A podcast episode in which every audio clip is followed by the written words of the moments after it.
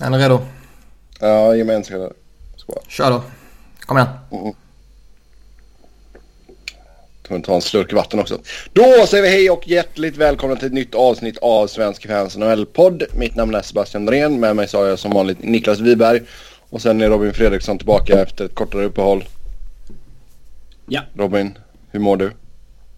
Eh, bra. Jag har jobbat lite mycket bara så jag inte hängt med i svängarna så mycket. Robin, hur mår du? Precis som du varit inlagd på sjukhus i två veckor eller någonting. Nej men jag alltså, jobbar hårt liksom. Det har varit långa dagar på, eh, på Toys. Ja. ja mm. Vi ska självklart snacka om draften. Sen har det hänt en hel del annat med kontrakt och trades. En del rykten och sen så har vi ju free agency här om dryga veckan. Uh, och sen tar vi självklart upp era lyssnarfrågor. Som vanligt tack till er som har skrivit in. Så om vi hoppar in i draften först då. Jo, Robin. Draften Nej, jag... nu, ska ja. du läsa, nu ska du läsa upp samtliga draftval. Samtliga? Det är en sån där ja. du skulle kunna göra. ja, faktiskt. Jag tror att det är meningen att du ska göra det. Nej då. Vi ska prata lite om draften i, i allmänhet. Eh, vill man kolla hur alla draftvalen gick, gick ju, ja, föll ut helt enkelt så går man till svenskfans.com NHL. Så kan man se val för val, runda för runda. Så um, vill man hänga med där så dra upp den. Etta gick ju Nico Hischier då till New Jersey Devils. Vilket gjorde att Philadelphia Flyers fick ett enkelt val när man gick upp och så sa man bara Nolan Patrick. Tack och hej. Um, så var det lite förvånande ändå. Var det verkligen det då? Ja. Eller? Alltså vad menar du? Andra valet eller att, första valet eller allt? Nej, första att valet. Att, att, att de tog Hischier. Alltså, ja, alltså med tanke på att det ryktades extremt mycket om att de vill ha en back istället. Och, och det var typ allt egentligen förhandsspekulationerna gick om.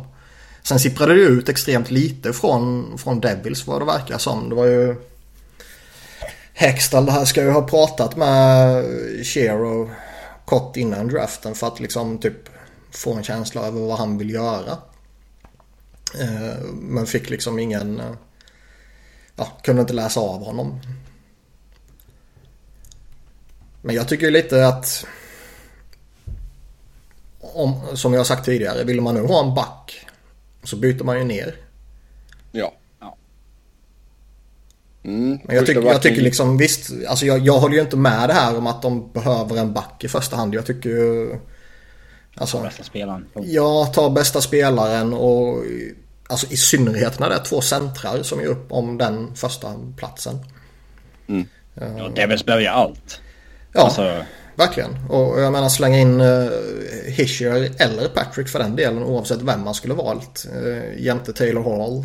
Uh, antingen direkt eller så småningom. Kan ju bara bli spontant jättespännande. Mm. Uh, Niklas, hur lång tid tror du det tar innan vi får se Hischier? Jag vet inte. Jag skulle väl uh, lira honom. Sen visst går han in och han är så jävla tokusel under uh, preseason så kanske man ska fundera ett eller två steg till. Men jag, rimligtvis kan jag tycka att man behöver ha riktigt usel camp för att inte ta en plats. Och i värsta fall så testar du honom och sen skickar tillbaka honom i så fall. Men visst kan det vara lite extra press på både liksom Flyers och Devils här att de... I och med att Hischier och Patrick gick etta, tvåa så är det liksom nästan så här... Eh, de ska nästan in i NHL. Även om typ samma spelare något år tidigare eller två kanske hade kommit gått femma i draften. Då hade det kanske varit mera... Då hade det varit nästan naturligt att skicka tillbaka Patrick ett år till... Eh, till juniorligan med tanke på hur få matcher han spelade i år och så vidare. Uh, alltså jag tror det finns, vi, vi återkommer väl till det så småningom, men jag tror det finns en extremt stor press på att lira Nolan Patrick med tanke på Braden Chen-traden. Oh ja. Ja men det är också som du säger där också Robin att i och med att de här två stod ut så pass mycket från de andra så eh, håller jag med om att det, det, vi kommer nog få se båda två tror jag. Um, vi har väl en del development camps börjar väl typ nästa vecka redan eller någonting. Två veckor kanske. Bara brukar vara en bit in i juli. Mm. Så ja, vi får se hur de går där. Trea, då plockades första backen där, Miro Heskanen från mm, Dallas plockade honom. Och sen eh, Colorado gick också på backspåret. Man tog Cale McCarr. Vad har du för tankar om McCarr Robin? Inga alls, jag har aldrig sett honom. Men eh, ja, han sägs väl vara duktig på hockey. Det är bra. Han är ju, han är ju något av en chansning. Alltså han har ju spelat i en skitliga. Jag hoppades ju på uh, finnen som gick före. Mm. Han känns lite mer uh, alltså legit. Men ja, man får se. Fast Cale McCarr, alltså han kan ju mycket väl bli en jätteduktig back. Det får ju framtiden utvisa såklart. Och det verkar ju vara en, en intressant spelartyp så att säga. Men det är ju ändå en, eh, ja, du vet, spelar upp i någon jävla juniorliga i Alaska. Och spelar med skit och spelar mot skit. Och eh, ja, hela han är väl ett stort äh, frågetecken. Mm. Jag kan ju tycka att Men det där har, han är... ju eh, där har han gjort lite vad han vill typ. Ja, jag, jag, Ja. jag gillar ändå dock att man liksom... Ja, Grejen med att aim for the stars liksom att man alltså... Jo, Jag det finns ju en, det finns en uppsida med honom. Att bara ta safe picks är ju tråkigt ju. Jag tror att det är korkat att ta de som är liksom garanterad third liner i alla Jo, fall. jo. Liksom, de... Det är inte det draften till för de kan ju hitta vilken dag som helst. Däremot tycker jag väl liksom visst var man så extremt jävla insnöad på att eh, ta en back och man följer vad ska man säga förhandsrankningarna. Då är väl Cale McCarr ett rimligt val. Men jag känner väl att det finns större trygghet i eh, ett gäng av alla forwards som gick efter honom. Mm. Ja det blev ett gäng med Och- och forwards Med trygghet så menar jag ju inte bara feghet då liksom att de har ju, alltså även en sån som Elias Pettersson eller Cody Glass eller Gabriel Villardi och så vidare har ju en väldig uppsida. Man kunde ju gått i nostalgiska spåret också och plockat Callum Foot. Ja, men då hade man ju varit dum i huvudet. Liksom. Ja. Femma Vancouver, där tog man Elias Pettersson.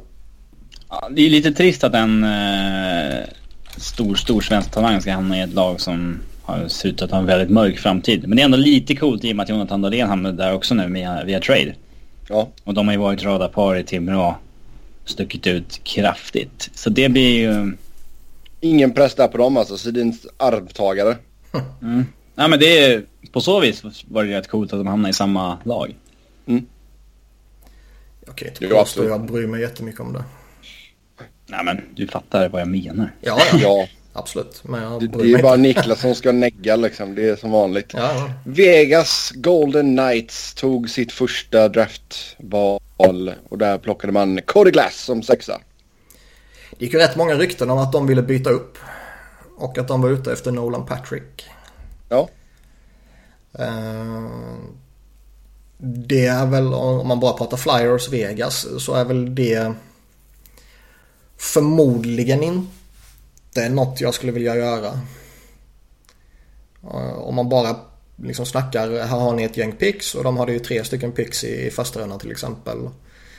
Eh, Får man alla tre så kanske man överväger det på ett annat sätt. Men eh, det känns som att det skulle varit ett lite överpris för Vegas också. jo. Ja. Även om Mm. eh, Bruins försökte väl när de hade 14, 15, 16 där. ja. De tog upp sig för att ta Noah Hannifin. Mm. Det är sant. Ja, sen um, sjua New York Rangers. De tog Elias Andersson. Ja. Ja, det var lite Ja. crazy. Rangers går lite wild and crazy. Ja, det Niklas- var väl lite Niklas reach. Han var väl... Alltså han var... 10 på någon lista, men jag är svårt att säga att det är ett dåligt val. Det är en super, super talang liksom. Nej, jag är helt övertygad om att han kommer bli en duktig spelare. Och hela grejen är väl snarare att han rimligtvis borde vara kvar eh, ett gäng platser längre ner. De flesta Ja, hade han eh, en bit efter tionde platsen liksom. Sen visst, alltså skillnaden mellan att gå som sjua eller gå som 12 13 den, behöver, ju- den kan ju vara minimal. Och just liksom den här draften verkar ju lagen typ bortsett från alltså de två första valen och kanske ja, vad ska man säga, de kanske sju, åtta efterföljande valen. Och sen efter det så verkar ju lagens olika listor ha varit liksom all over the place. Ja. Där någon kan ha haft någon spelare på liksom 15 plats och ett annat lag hade han på 39 platsen och så vidare. Så det, mm. det har ju varierat rätt saftigt vad man verkar kunna ha läst sig till och vad som har ryktats lite och sådär. Så visst, om jo, en jag... spelare går sjua eller trettonde det är väl kanske skitsamma på ett sätt. Mm. Nej men jag tror nog att de hade kunnat uh, träda ner sig ens och fått uh, Lias. Säg att de hade bytt med Kings till exempel liksom. Det är så jäkla värt att trada ner. Alltså man får ju så jäkla mycket för det. Mm. Fast frågan är någonstans, alltså det finns ju en sån här kurva som någonstans går ju den från typ det här valet någonstans och försämras avsevärt ju senare man kommer. Ja, men är det samma spelare man targetar så... Jo, men om man bara jämför alltså val mot val så att säga. ett värde ja. ja. Och, och, då får man ju jämföra någonstans. Okej, okay, är det bättre att ha ett val som är högre upp på den här kurvan? Eller är det bättre att ha två eller tre som kommer lite senare? Alltså antingen mm. har du lite högre procentuell utdelning på picket du har eller så får du lite sämre procentuell utdelning men du får fler pick. Så mm. visst, å ena sidan var det en liten reach med Elias Andersson på sjunde valet. Å andra sidan så... Ja, de fick vad de ville ha. Ja. Ja det blir en bra spelare. Det är inga problem med det. Buffalo draftades som åtta. Man tog Casey Mittelstadt. Ja, han verkar ju hata Dan Bylsman. Ja. De hade grävt fram en gammal tweet från honom att uh, hashtag fire Billsman. Ja men det är bra. Det är tur att han fick in den då. ja, den har varit snygg annars. Hallå coach. Fan. Detroit i... Jag fattar inte. Det var, det, var ju samma, det var ju samma sak med... Um, Eh, vem fan var Morgan Frost var det ju som gick till Flyers sent i första rundan. Han har också skrivit någonting om att, eh, ja du vet, gött att Flyers torska eller något sånt där liksom. Eh, mm. Jag fattar för mitt liv inte hur agenter inte kan fatta att de ska beordra sina jävla klienter att rensa någon jävla historik liksom. Jo. Vet, saker som de skrev som 14-åriga småbarn som inte en människa kommer ihåg eller som man egentligen bryr sig om liksom. Då vore det fan Nej, alltså, det första de ska se till att göra innan de går upp på draften. Liksom att rensa din jävla Twitter-historik. Ja, skapa en ny Twitter. Nej, det behöver man inte göra. Men liksom gå in och Radera rensa. Gå igenom. Eller får agenten själv ta kontroll över kontot och bara plöja varenda jävla inlägg som har gjorts och rensa ju. Jo. För nu, alltså, visst, nu är det ju som flyer-support. Jag bryr mig inte ett skit liksom. Uh, att, att han har skrivit så en gång i tiden liksom. Och, Nej. Liksom, vem fan bryr sig? Men det är liksom... Man verkligen bjuder in till...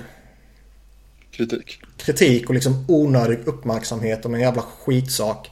Som skrevs för fem år sedan liksom. Jo, exakt. Jo, men det, det är det som är grejen också. Att, jag menar, de, de slänger ut en tweet när de är typ 13 bast liksom. Ja. Uh, och de har typ 100 followers. Sen så går de i första runda och säger pang så är det bara tusentals människor som tittar på deras Twitter-flöde liksom. Så ja, det, så är det. Nia Detroit, man plockade Michael Rasmussen där. Det var jag glad över. Um, ja, synd inte LA fick honom. Uh, jävla bra. Florida plockade... Alltså Detroit, den... uh, vänta lite ja. nu. Uh, Detroit var ju jävligt intressanta. Uh, Ken Holland har ju med rätta fått väldigt mycket skit. Mm. Här mot slutet. Och han börjar ju... Alltså om han inte redan har tappat så är han ju på väg att tappa liksom. Eh, vi har ju pratat om honom jättelänge och det har varit trades och det har varit eh, kontrakt och det har varit prioriteringar i den spelaren över den andra spelaren och Mrazek att man exponerar honom och eh, Vegas istället med lite flyt för Red Wings del väljer att fokusera vad det verkar som på att ta många backar för att det är en större och enklare trademarknad för backarna istället för att trada iväg målvakterna. Det finns typ två lag som behövde målvakter där då. Men nu går de ut och tar här Rasmussen som är liksom han var ju rankad någonstans kring tiondeplatsen och, och sådär liksom. Men om man tittar på det så är det väl kanske inte jättekontroversiellt att gå in och ta honom i nionde valet givetvis. Men det är liksom en extrem osäkerhet kring honom och han gör sina poäng i powerplay. Han gör typ inga poäng i 5 mot 5 spelet och är liksom bara stor. Om man ska vara lite hård där mot slutet. Det är lite varningsklocka i alla fall. Liksom. Ja, och, och, och liksom då gå in och ta honom när det finns till exempel Gabriel Vallardi kvar. Som jag rimligtvis borde gå lite högre. Mm. Och en tippet också för den delen. Ja. Uh, och, och, då gå in och ta han där. Och sen med ett relativt tidigt val i andra rundan gå in och ta Gustav Lindström som är ja, med plats 38 då högsta rankningen han var på det var 85 och det är ju rätt... Ja den kändes oerhörd. Eh, jag känner Gustav lite grann, snackat med honom en del. Men jag trodde han var en ganska välbevarad hemlighet. Eh, så jag var aningen chockad när Wings tog honom tidigt i andra. Ja. Han är ju bara fyra juniorlandskamper liksom och ja. Ja, känner... vi får se. Får se om det var värt det helt enkelt. Uh, tia, Florida, de tog Owen Tippett. Uh, galet var han är ginger. Han är vit som ett lakan. Han kommer behöva mycket solkräm nere i Florida. Bob Lundgren skraj. Tweetade ut direkt. Ja, den var fin den tweeten också. Um, så, men han ska ju vara typ den bästa målskytten, alltså rena målskytten i den här draften. Så mm. Det, är ju, det är ju grymt pickup för dem liksom. Och sen 11 då Kings med Gabriel Velardi. Och ja, Bast. det var ju bra. Det var ju riktigt bra att han föll så pass. För han var ju ganska högt upp han på många listor. Ja, han var ju liksom topp 5 på de flesta tror jag. Ja. Och föll ju rätt eh, rejält då får man väl ändå säga. Om han, ja, där, däremot så får vi ju liksom ta och lugna oss ibland tycker jag. För alltså efter Velardi hade draftats och eh, liksom bara, ah, vem liknar han? Och folk säger Jager. Man bara, ah, lugn nu, lugn. Men vadå, man kan väl likna vilken spelartyp som helst. Det är inte så ja. att man säger att han kommer bli den nya Jaromir Jagr och spela till han är 57 år. Eh, det handlar väl mer, alltså Nolan Patrick, ja han är lik uh, Ryan Getzlaff. Ja. Nico Hischier, han är lik uh, Matt Duchene. Alltså skulle man ranka en center idag så är väl Getzlaff har väl högre anseende än vad Duchene har. Oh ja. Och då borde ju rimligtvis Nolan Patrick gått före om man tar din logik. Mm. det känns ju inte jag, jag tycker inte det kunde ju inte gått fel där med varken Patrick eller Hischier i och för sig. Nej, det tror inte jag heller. Alltså visst, det finns väl alltid en risk med, med Patricks skador och sådär liksom. Och det är väl något man måste ta hänsyn till. Um, personligen så misstänker jag väl att skulle Devils gått med en back så skulle nog Flyers plockat Hischier. Mm. Men uh, det behöver liksom Travis Konechny kom från dubbla axeloperationer. Det har inte varit något problem med honom. Nej, exakt. Visst, Nolan Patrick har dubbla hernia-operationer och det kan vara en helt annan grej med, med höfter och skridskoåkning hur det påverkas och sådär. Men jag tror att alltså, både Devils och Flyers tog in honom på speciella läkarundersökningar och det ska inte funnits någon oro över det liksom. Och skulle det funnits någon som helst legitim oro så tror jag att man skulle tagit någon annan eller bytt ner sig. Ja. Eh, det finns väl lite frågetecken om Villardis skridskoåkning men det verkar ju typ vara det enda. Så vi får se om man har en lika bra hockeyröv som Jaromir Jagr helt enkelt. Carolina gick 12 där, Maki Nekac med reservation för uttalet där eh, från Tjeckien. En liten mindre center. Ja. Uh, jag har ingen vidare koll på honom faktiskt och eftersom det är Carolina så är det ingen som bryr sig heller. Sant. Trettonde plats var det Vegas igen. Där tog man Nicolas Suzuki. Suzuki. de gick ju lite eh, centerfokus med de två första där får man väl ändå säga. Vilket inte är eh, helt fel om man ska bygga upp en ny organisation. Kan man argumentera för att Vegas eh, inte bara kan plocka liksom best player available utan de kanske måste fylla sin prospect pool med lite olika positioner? Ja, det tycker jag nog att man kan göra. Alltså är det två spelare där väldigt lite skiljer emellan så är det ju, då kan du ta den du känner för lite mer liksom. Att den fyller ett behov som du har så ja, det, för dem så tycker jag ändå så att det är lugnt. Tampa Bay, man, där tog man Callum Foot, Adam Foots son. Um, ja, vi får se. Han är ju inte riktigt samma speltyp som pappa. Nej, han gick väl... Den spelartypen är väl lite outdated. Jo, lite. Han, verkar, han, ja, han, är ju, han verkar vara en defensiv eh, back men inte lika extrem som pappa. Nej. Uh, inte lika fysisk. Nej. Och det verkar väl vara lite, lite sådär... Uh, skridskoåkningen är väl lite sådär kanske. Och det var ju en del rankningar som hade han först uh, lite senare i första rundan. Men som sagt, som vi sa tidigare, om en spelare går 14 eller 22 valet i den senare delen av den här draften. Det är kanske inte så jättestor skillnad med tanke på att rankningarna var lite all over the place för de olika lagen. Mm. Sen eh, Vegas igen då, 15 plats. Då blev det Erik Brännström. Ja, det känns ju som ett uh, jättebra val. Han har ju sett uh, super, super bra ut i HV. Och... Uh, han hade ju ja. draftens bästa citat. ja. jag, har sett, jag har sett Hangover eller vad ja.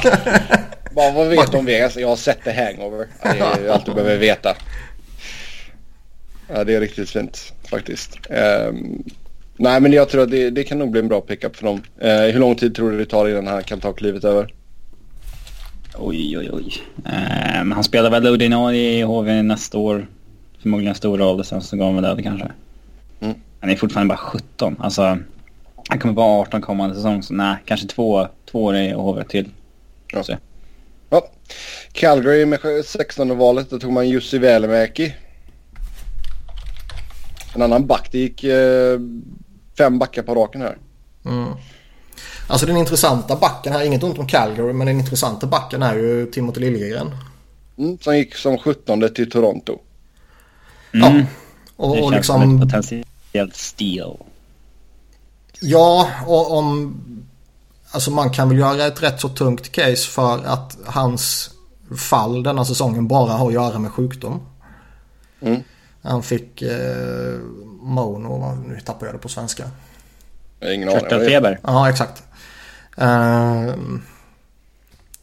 uh, och, och liksom rankade tvåa inför säsongen. Får den som kan slå ut dig fullkomligt. Och sen, uh, ja, inte riktigt komma igång efter det. Nej. Så jag, utan att ha någon som helst jävla insyn, utan att kunna någon annan medicin i det här fallet. Doktor Wiberg ger oss en diagnos här nu. Ja, så är jag helt övertygad om att det bara är det som har gjort att han föll så här extremt. Och att det bara var det som gjorde att han hade säsongen han hade. Ja. Sen givetvis finns det liksom frågetecken över honom också. Lite beslutsfattande och sådana här saker. Men eh, jag tror att Toronto mycket väl kan ha gjort ett jättefynd här. Mm.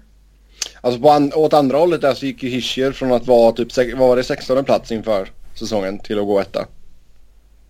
Um, ja, något sånt. Jag minns inte. Jag, det var ju något, över 10 var det i alla fall. Rekord typ. Mm. Uh, Nej, och liksom samma sak med, med, med Liljegren kan man väl vinkla mot Patrick då också. Att skulle det inte varit för skadorna så skulle han väl förmodligen varit kvar som etta. Mm. 18 valet hittar vi Boston, Uro Vakanainen. Vak ja, Vakanainen. Jag hade fan rätt ändå. Uh, från Finland. Också back. Jag tycker det är inte superjättemycket spännande här nu. Det var väl lite Rangers ta Philip Schüttil som väl är en liten reach också med 21 valet. På gränsen mellan första och andra rundan på vissa rankningar och sådär. Men verkar ha en, en härlig uppsida och tycker det kan vara ett rätt spännande pick för Rangers. Mm. Edmonton tog Kyler Yamamoto med 22 valet där. Ja, tidernas minsta spelare går i första rundan tror jag det var. Ja, ja det är snyggt.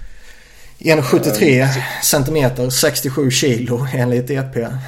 Herrejävlar. Ja. Det är ju, uh, då är man tunn alltså. Ja, och det är, ju, det är faktiskt skoj. Ja, jag lugnar dig nu. Det är ju faktiskt skoj att en sån spelare inte bara sjunker och sjunker och sjunker. Mm. Visst, nu, var det, nu gick han på plats 22 och på vissa rankningar var han lite högre än det. Men de flesta hade honom ändå runt den här platsen. Så det är ändå skoj att det inte påverkar. Mm. En målvakt gick till första rundan. Det var Jake Ottinger som gick till Dallas, 26 valet där.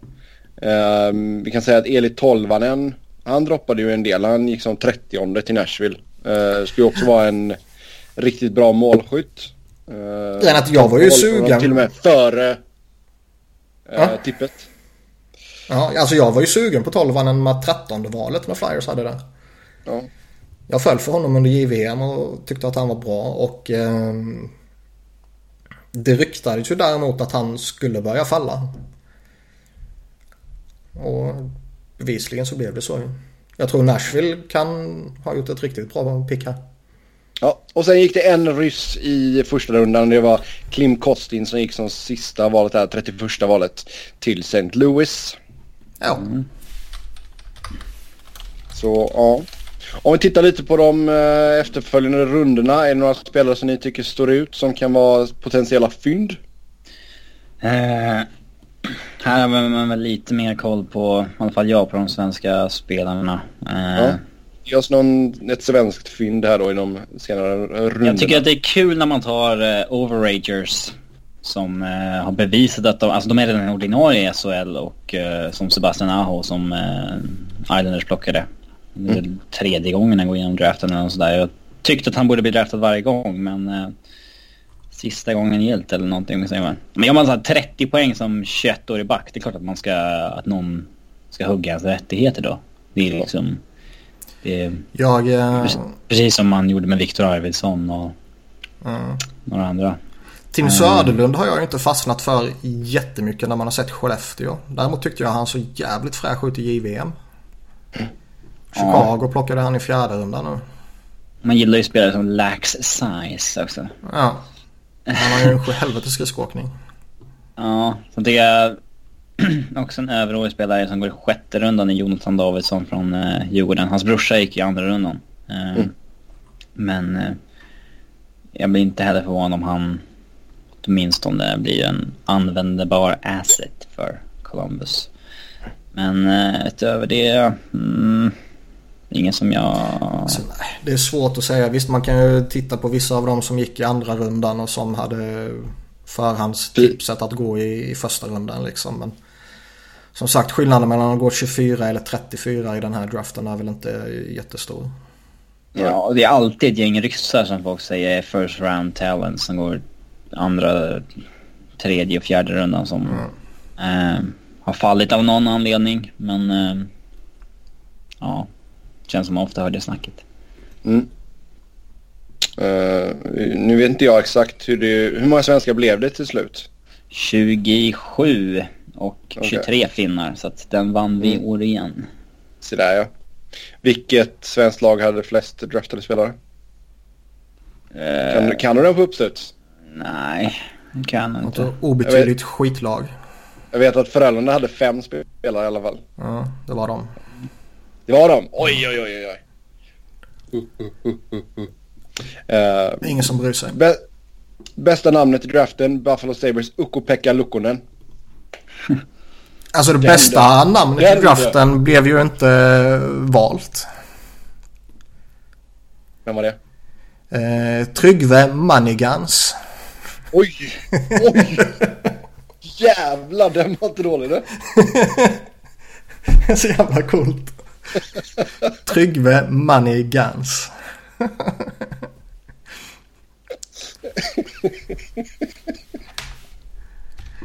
Alltså man, man ska ju plocka honom bara för att han uh, har namnet liksom. Ja. Uh, Tobbe påpekar ju att uh, Ivan Czechovic, jag vet inte om man ska uttala så, men han var ju på... Czechovic? ja, plats liksom 70, 80, 90 på mångas listor. Man följer till 212. Mm. Sharks blockade honom. Eh, Det är potentiellt fint. Men det är också många sådana här spelare som har nämnts de senaste åren som inte har blivit någonting. Men eh, det är också... Det finns ju absolut inga garantier efter val 10 egentligen. Nej. Så, eh, Är ni nöjda med era lag eller? Ja, alltså jag... Det är så svårt att säga så mycket när man inte har eh, sett så många spelare med egna ögon liksom. Mm. Man går ju bara på vad man eh, har hört och läst om dem liksom. Ävs Mm. hade inte så många val heller. De hade ju bara, ja, sju. Och, eh, men visst, de, de var väl hyggliga de de tog. Ingen hade hört någon annat. Alltså jag är jävligt nöjd med att Villardi kommer in, att man får honom på elfteplatsen. Det var ju som, som vi sa innan, det är ju många som hade honom mycket högre liksom. Men förutom honom så kan jag ju inte säga att jag har någon koll på typ Jarrett Anderson Dolan eller Matt Villalta. Liksom det... Ja. Men ja, man får ju hoppas att Villardi kan bli någonting. Sen behöver man ju liksom fylla på med så mycket eh, talent man bara kan för det... Man har ju fan ingenting där nere nu. Eh, det är Kempe? Ja men, det är, ja men jag tänkte säga det. Det är Kempe och sen är det ingenting. Och jag tror att Han är ju elite vara- talent enligt vissa. Och jag tror ändå så att Kempe kommer vara med där uppe eh, när säsongen drar igång. Vilket betyder att man verkligen Kempe, inte har alltså. någonting. Så, eh, mm. Jag är rätt nöjd med Flyers i alla fall. Eh, Nolan Patrick förändrar ju organisationens förutsättningar på ett extremt sätt. Eh, som vi har pratat om tidigare så det behöver man inte nörda ner sig i liksom. Men får du Claude Drews arvtagare. Morgan Frost var väl a reach att gå redan i första rundan. Eh, Men man bytte ju upp sig för att få honom. Isaac Ratcliffe var väl en sån där som eh, många hade i, i första rundan och som sjönk lite och som man också då bytt upp sig för att kunna lägga beslag på och det är väl en spelare som eh, extremt stor, tung. Eh, McKean i sin draftguide rankar honom som en av de mest underskattade spelarna i draften så det känns ju bra. Mm. Sen tog man Matthew Strome som verkar vara bra på allting förutom att han är helt värdelös skridskoåkare. Mm, det är lite jobbigt. som är yngre bror då till Dylan och Ryan. Mm. Är han eh, liksom motsvarigheten till eh, den fjärde stalbrodern? Jag hoppas han är bättre än så. För fan alltså. Jobbigt att åka hem på Thanksgiving eller jul där vet du. Var den eh, klart sämsta. Men men. Eh, vi går vidare till kontrakt och rykten och eh, trades. Och det hände ju en del inför draften. Arizona tradade till sig Derek Stepan och Antiranta från New York Rangers i utbyte mot sjunde valet då overall i draften och Anthony D'Angelo. Så här fick man in både första center och första målvakt. Ja, Det var ju kaos i Arizona. Vi kan ju säga det. Man kickade ju tippet. Eller ja, tippet lämnade. Alltså han köptes ju ut ju. Ja, ja. Eh, och det man, gav ja. inget, man gav inget nytt kontrakt till Shane Doan. Eh, Ja, någon av- ja, tuffa någon beslut av-. Cheferna lämnade ju också. Jag minns inte vilken Ja. titel det var. Så Shaika är almighty och får äntligen göra som han vill och då händer Ja. det grejer. Då hände det fan med grejer alltså. Ja, Man skickade ju iväg Mike Smith också. Ehm, så det, det var ju ganska... Visst, nu har, nu, det vet vi ju, Arizona har ju ingen jättestor fanbase men de som är inbitna var ju ganska förbannade efter allt det här. Uh, visst. Och alltså, jag vad kan- exakt? Ja. Nej men alltså, dels var det många som tyckte att man kunde skött Shane Doan-grejen bättre.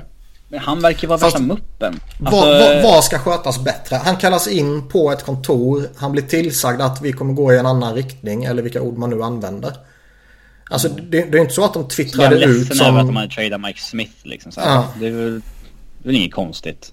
Precis som att Ja, han det, liksom... visste, det visste han inte förrän efter mötet. Ja, och sen, sen så blir han... Det är precis som att han blev så här ja, oförstående och kritisk i tv när de tradade bort Martin Hansa för liksom en King Ransom liksom. Vad fan? Mm. Nej, alltså jag, alltså jag köper att man går vidare från, från Dörn. Det är liksom ingen spelare som tillför någonting längre förutom att det är liksom ikon i klubben. Men man kunde liksom, det är många vill att man kanske Bright. skulle man kanske skulle erbjuda honom en, en, ehm, en plats liksom som någonting, jag vet inte vad. Det har han ju fått Eh, ju. Jo, det har kommit ut sen också men det tog ett tag innan det kom ut att det så faktiskt var fallet. Ja. Eh, och sen är det ju många som fortfarande gillar tippet även fast liksom, jag tycker att han har väl han har gjort det han har kunnat. Det behövs något nytt liksom. Alltså jag, jag tycker Tippet är en bra coach så. Men jag håller ju helt med där att eh, det är nog rätt att kanske byta ut honom mot något annat. Inte för att han är dålig utan att ibland behöver man byta ut helt enkelt. Ja. Sen har vi inte han något jättebra track record med unga spelare heller. Nej, det är kanske en annan coach som behövs till den här, uh, den här generationens uh, Phoenix liksom. Ja. Phoenix. Arizona. Ja. Eh, nej så ja. Vad, vad, vad tycker ni om det utbytet som eh, Rangers fick? Alltså traden är ju lite... Alltså jag tycker att... Mm. Det känns som både så här förstående för bägge lagen och lite oförstående för bägge lagen. Liksom. Um, D'Angelo och sjunde overall mot Stefan och Ranta. Ehm, ja, D'Angelo känns ju... Alltså jag skulle nog vara, jag är nog mer nöjd om jag är Arizona-fan än om jag är eh, Rangers-fan. För D'Angelo, han brukar ju inte han brukar garva åt sånt där egentligen. Ja, man brukar garva åt sånt där egentligen. Men han verkar ju vara lite crazy på riktigt. Mm. Gör sig open med alla till höger och vänster och... Eh, får vi se vad Elias Andersson blir som man utnyttjade det valet på liksom. Men... Eh, Jag tror Arizona tror jag ska vara nöjda här liksom. Eh, Ja, alltså det fyller ju ett jättebehov. Det gör ju deras lag extremt Ja. mycket bättre. Ja, Dirk D'Angelo... Stefan framförallt. Det är liksom en kille de kan luta sig mot som första center. Eh, Ja. Alltså, han Ranta ska blir bli intressant att se. Jag tror han kommer göra Ja. det bra. Framförallt i ett sånt lag där... Alltså säg vissa andra lag som han skulle kunna gå till kommer han ha större krav på sig. Mm. Eh, här behöver ju han inte liksom gå in och vara ligans bästa målvakt. Nej. Utan Nej, jag menar, och vi det har ju räcker sett att han andra inte gör målvakter. bort sig liksom. Jo, jag menar vi har sett andra målvakter göra det bra ifrån sig där också. Jag menar, Bruscalo var ju bra när han var där till exempel. Liksom. men det känns väl lite passé nu. Ja, Bruscalo Alltså, det- kan man alltid prata om. Nej, Thomas Gerais är bevisat att han var bra på riktigt liksom. Ja, Dubnik också. Ja, absolut. Eh, så att... Eh, Däremot håller jag med det här Stefan. Han kommer, han kommer vara viktig för dem. Det är, det är en bra... Mm. Ja, det avsätter ju Byggsten. en jävla massa press på Strom också. ja, exakt. För det, är alltså, för det var ju mer eller mindre, Strom skulle ju ta en plats förra säsongen. Det kluriga med Ranta är ju dock att vågar man resigna honom redan i sommar eller liksom... Eh, om man väntar kan det bli för dyrt om han liksom blir så bra som man hoppas. Den är... Alltså jag hade nog tagit en chansning och signa honom nu. Lägga till eh, två år på tre miljoner per kanske. Eller något Ja, sånt. något sånt. Det tycker jag nog att man kan göra. Sen gjorde man en annan trade med Chicago. Man tradade till sig Niklas Hjalmarsson i utbyte mot Connor Murphy och Lauren Dauphin. Det här var ju Ja. jättekonstig trade Alltså till det att börja här är ju med. en sån bra trade för dem så det är ju helt skadat. Fast grejen är att den var innan de gjorde den andra traden så var den ju jättelustig. Alltså Ja, på flera här- olika sätt. För det var lite så här win and out trade för Arizona och det är liksom Det klingar inte med vad de har gjort i övrigt och vad de bör göra och så vidare. Och liksom varför i helvete skulle han gå till Arizona för? Alltså Ja, mod- exakt. modified trade list. Eh, Jag tror inte direkt han har med Arizona på ett lag han är villig att gå till. Nej, Så han, han måste ju varit medveten om den andra traden. Mm, mycket möjligt. Mm. Nej, men det är ju alltså, det är ju perfekt att de äntligen får in en spelare som är på samma nivå som kan spela med Oliver Ekman Larsson. Ja, eh, Alltså nu har de ju en grym topp fyra. Med Ekman Larsson, Goligoski, Hjalmarsson och Chychrun.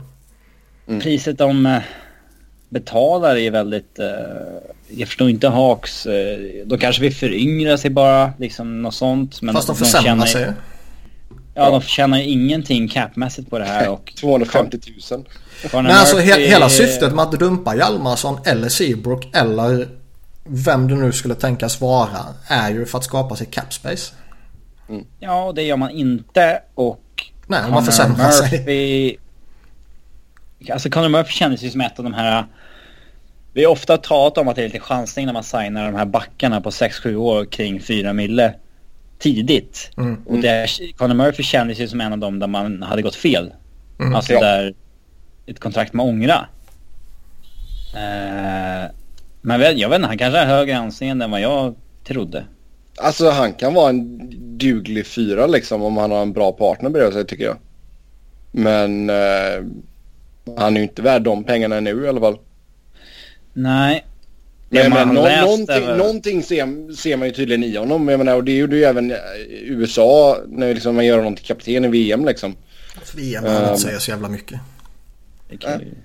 Det, det, det som har pratats lite är väl att eh, Chicago ville ha lite långsiktighet. Och han är signad på ett eh, på ett kontrakt som sträcker sig över fem säsonger och som liksom kan man väl knappt förstå, fyra men vad miljoner är ju inte inget- överjävligt mycket pengar om han blir en topp fyra back liksom.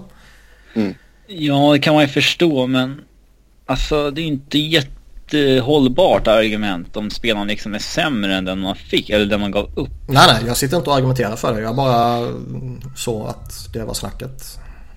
Mm, och Kriger är fortfarande kvar liksom. Nej, jag tycker Nej, den var ja, gry- grym för Arizona när man såg att den andra traden kom också. Lite lustig och Ja. lite liksom varför-känsla innan dess. Man skickar alltså Connor Murphy, Lauren Dauphin, D'Angelo, sjunde overall mot liksom Hjalmarsson, Stefan och Ranta. Eh, Första center, en förmodad första målvakt och En Eh. andra back. top pairing defenseman kan man säga. ja, Eh, och som Ja, väl ändå är är typ- ändå en, en av ligans bättre defensiva backar. Lauren Dauphin är väl, liksom, det är väl en hygglig prospect för Chicago att få i, i dealen. Han har gjort det bra i Tucson, men uh, uh, Tusan. Tucson Roadrunners. Eh, men alltså han är ingen sån här som får bägaren att falla Nej. över på. Nej, nej, nej. Mm. Nej, så där gjorde Xhaka det riktigt jäkla bra. Det får man säga.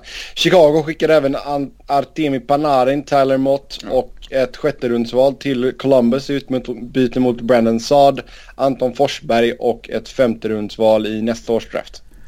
Och Jonathan Toews och Patrick Kane har låtit det bli känt för ledningen att de saknar Brandon Saad och vill ha tillbaka honom. Ja. Ja men du, vänta Niklas.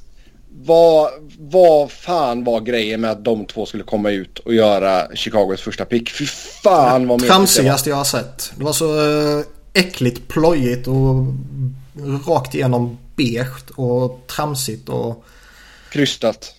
ja, usch. Säger jag bara. Usch. Det där har vi sett förut att lag har gjort. Skickat ut några spelare som gör picket. Men liksom har du första valet och du är i din hemmaarena. Hitta på något jävla trams liksom. Fair enough. Låt, låt det bli en show av det med tanke på att hela första rundan är en show. Mm. Men liksom ett halvdant draftval i eh, mitten eller sent. Liksom sådana där saker. Nej, herregud. Minns du vem det var som annonserade Ottawas val när de tog Erik Karlsson? Nej. Alfredsson. Alfred, ja. Nej, jag tycker bara det är trams liksom. Skicka upp... eh, skicka upp en GM och säg liksom och skicka upp en scout. Var Rangers skickar upp Callum som ska sluta eller vad det var liksom.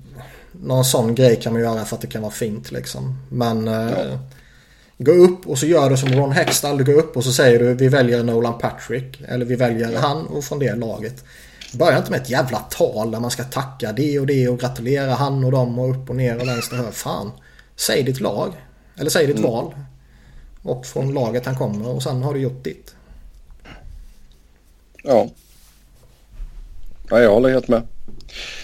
Ehm, men i alla fall, vad säger ni om Panarin? Alltså Panarin och Saad är ju de stora delarna i den här traden. Ehm, även fast Anton Menar du det? Även fast Anton Forsberg nu kommer vara backup-målvakt i Chicago. Ehm, men alltså på rak arm, alltså jag är mycket äldre Panarin än vad jag har Brennan Saad. Alltså jag tycker Söder är en duktig lirare. Eller lirare, men duktig spelare liksom. Och bevisligen så är det en jobbig jävel att ha att göra med på, på isen då liksom. Och eh, ja, han fungerar ju i Chicago, det har man ju sett. Men någonstans så blir det att de liksom värderar nedvärderar skills om man säger så från Panarin. Ja. Och då var ju de snackade, alltså de min tolkning är att de överreagerar för att Pekarinne hade 99 i räddningsprocent i 5 mot 5. Ja. I första rundan. Och helt, och helt plötsligt förändringar ska ske. Eller? Ja, och, och liksom. De pratar lite om att de var pushed around och lite sånt här trams. Men jag tycker inte jag såg något av det liksom. När man såg alltså, de matcherna. Och de matcherna såg man ju verkligen med tanke på hur jävla roliga mm. de var. Antingen live eller i efterhand. Men jag kan ju snarare tycka att det var Nashvilles liksom, skridskoåkning och skills. Utöver då Pekarinne givetvis. Som gjorde att eh, de tog sig vidare. Men jag tror jag har som sagt om, om det stämmer det där snacket att det var Toews och Kane som har sagt att vi vill ha tillbaka Sad och de bara ja ja visst. Uh, så om man för, jag tycker inte att det är så kontroversiellt om man föredrar Saad före Panarin. Liksom det är vilken spelartyp man...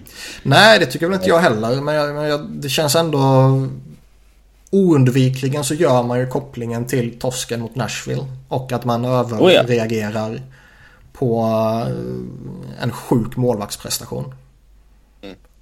Nej, och jag menar liksom Columbus eh, spelar ju ändå så sjukt roligt den här säsongen eller den gångna säsongen. Nu får man in ännu mer skill i Panarin. Eh, Tortorella fortsätter att liksom överraska oss. Eh, kan Panarin vara ett liksom lite, vad ska man säga, lite hjälp till att få över Kowalczyk? För det ryktas fortfarande att man vill ha honom. Alltså du börjar ju tugga som det direkt. Att det här är en eh, del av eh, strategin. Ja. Och med tanke på att de har ryktats vara aktuella om honom så känns det ju väldigt... Eh, vad heter det? Eh, Logiskt. Ja, exakt. det var det ordet jag inte hittade. Men alltså göra kopplingen då. Kanske inte traden i sig menar jag inte då. Utan kopplingen att man gör det för att kunna attrahera Kowalczyk. Jag skulle, alltså, alltså, jag skulle väl förmodligen... gör det här. Ja. ja, bara det är ju crazy ju. Kekelainen som typ framstår som att vara halvt inkompetent och sen Tårtan som är så jävla anti Kowalczyk Panarin som du bara sjöng om tidigare. Ja. Eh, så det är jättelustigt. Samtidigt är det ju häftigt att se en sån förändring hos en tränare. Eh. Ja, ja, alltså det, jag tycker hela Columbus, eh, alltså Columbus har varit kul att titta på. Ja. Jag menar, det är... Däremot skulle det bli intressant nu alltså, vi har ju pratat mycket om Ottawa tidigare när de hastigt och lustigt hade någon jädra flytsäsong och den där superavslutningen när de tog sig till slutspel och så vidare. Och sen så gick det inte så, så bra efterföljande säsong och så mm. eh, ja, blev det kaos bara för att man någonstans hade målat upp eh, en verklighet framför sig där man förväntade sig så mycket mer än vad man egentligen borde göra. Ja, och, men där liksom, hade man ju mer eller mindre kvar samma lag. Jo, men det, jag tycker ändå det finns en viss relevant jämförelse att göra här så tillvida att Columbus är väl inte så bra inom situationstecken på riktigt som de var den gångna säsongen. Logiskt Nej, det var ju deras bästa säsong, grundseriesäsong någonsin. Så jag menar, jag, ja, jag, alltså, alltså logiskt. Inte, nu tror jag inte... Alltså de, de är väl inte lika bra som de var denna säsongen och de kanske inte lika usla som de var föregående säsong. Nej. Men sanningen ligger väl någonstans mitt emellan. Och det ska bli intressant att se vad som händer nu om eller när Columbus tar ett steg eller två tillbaka. Vilket ju inte alls är särskilt eh, orimligt att de gör kommande säsong.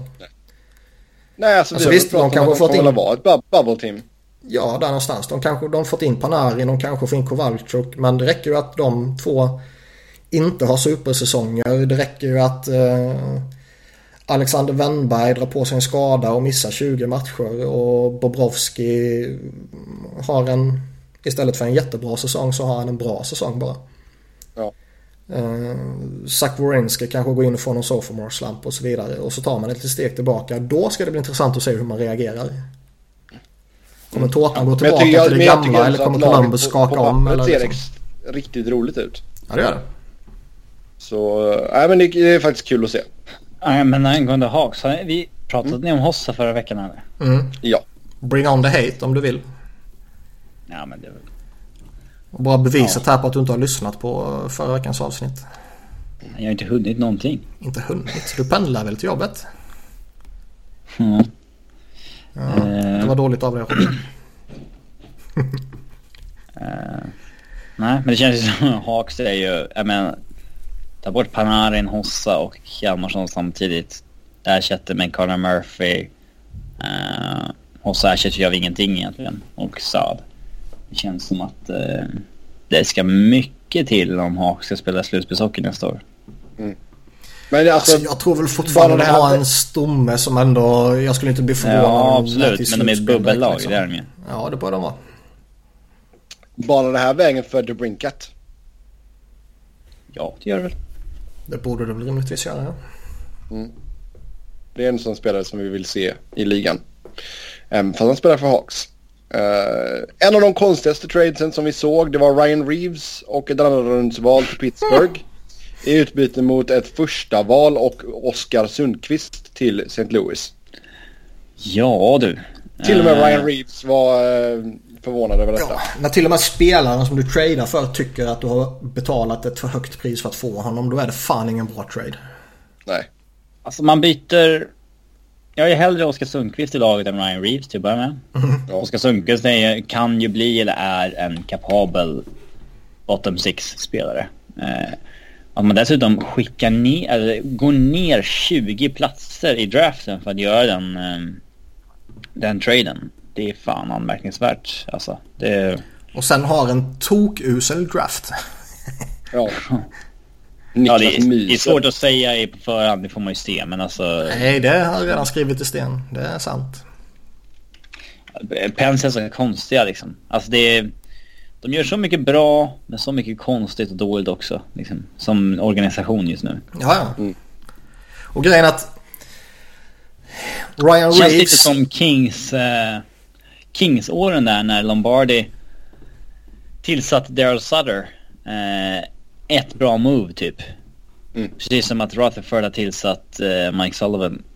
Men man fortsätter ske konstiga saker på GM-nivå. Eh, när man har en jävligt bra coach. Det är, det är den känslan som är kring En rätt hygglig trupp också. Ja. Men uh, Ryan Reeves är väl... Om man nu ska envisas med att ha den spelartypen så är väl han en spelare att föredra i så fall. Ja, han kan åtminstone göra någonting annat. Han kan göra, ja exakt.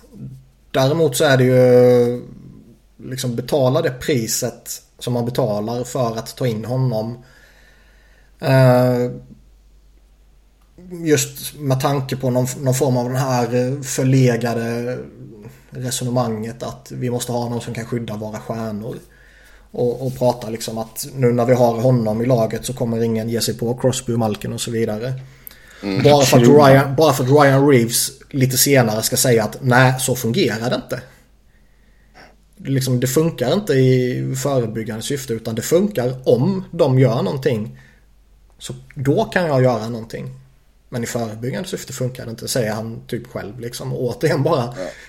två, tre, fyra gånger om bara idiotförklara sin GM som har tradat för honom. Ja, ja det är sån jä... Alltså den är riktigt dålig den traden. Sen är det, det sånt riktigt, riktigt äckligt dålig. hyckleri från Pittsburgh också. De går ut och, och lipar uh, över att uh, sådana där spelare inte ska finnas och både GM och ägare och så vidare går ut och beklagar sig. Och sen skickar man upp Tom Sestilo till att förstöra folk och så tradar man till sig Ryan Reeves. Och...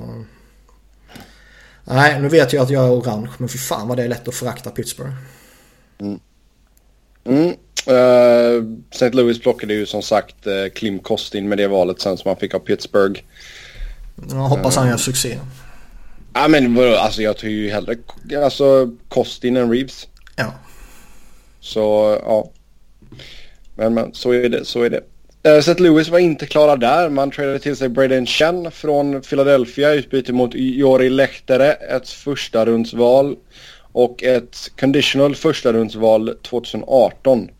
Uh, condition på det första valet 2018 är att det är topp 10 protectat då. Mm. Uh, och, och skulle... Ja. Blues, Blues kan väl skjuta upp valet ett år till om de så vill. Ja. Eh, men då, och då får flyers. flyers. Ett tredje val också. Ja. Så det är ju... sägas dock att första valet de får är ju 27 overall i årets draft som var. Mm. Eh, det, ja. Det var det de bytte upp sig för att ta Morgan Frost då, liksom Flyers-hatan.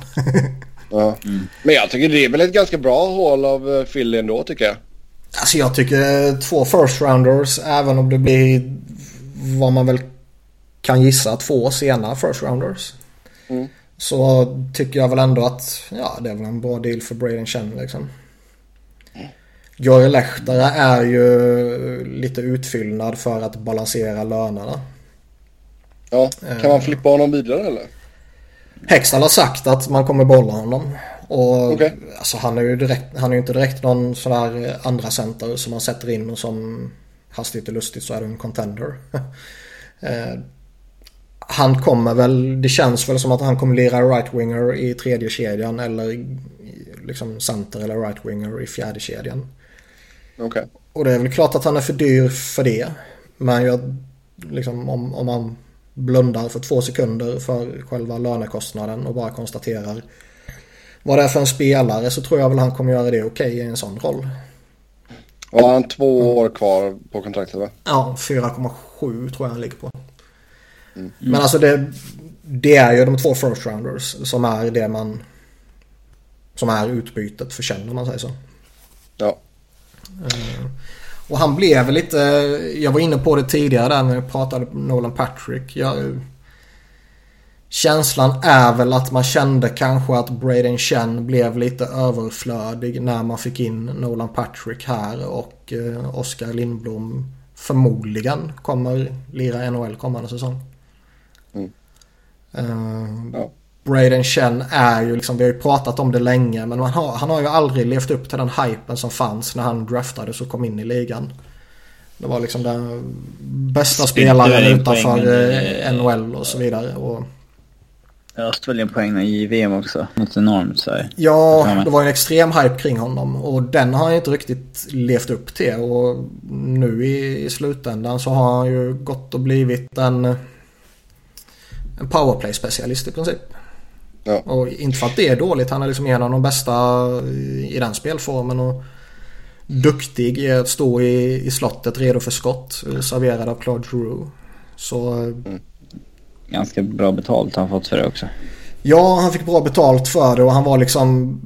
Ja, han gjorde lika många 5 mot 5 mål som Bellamare. Mm.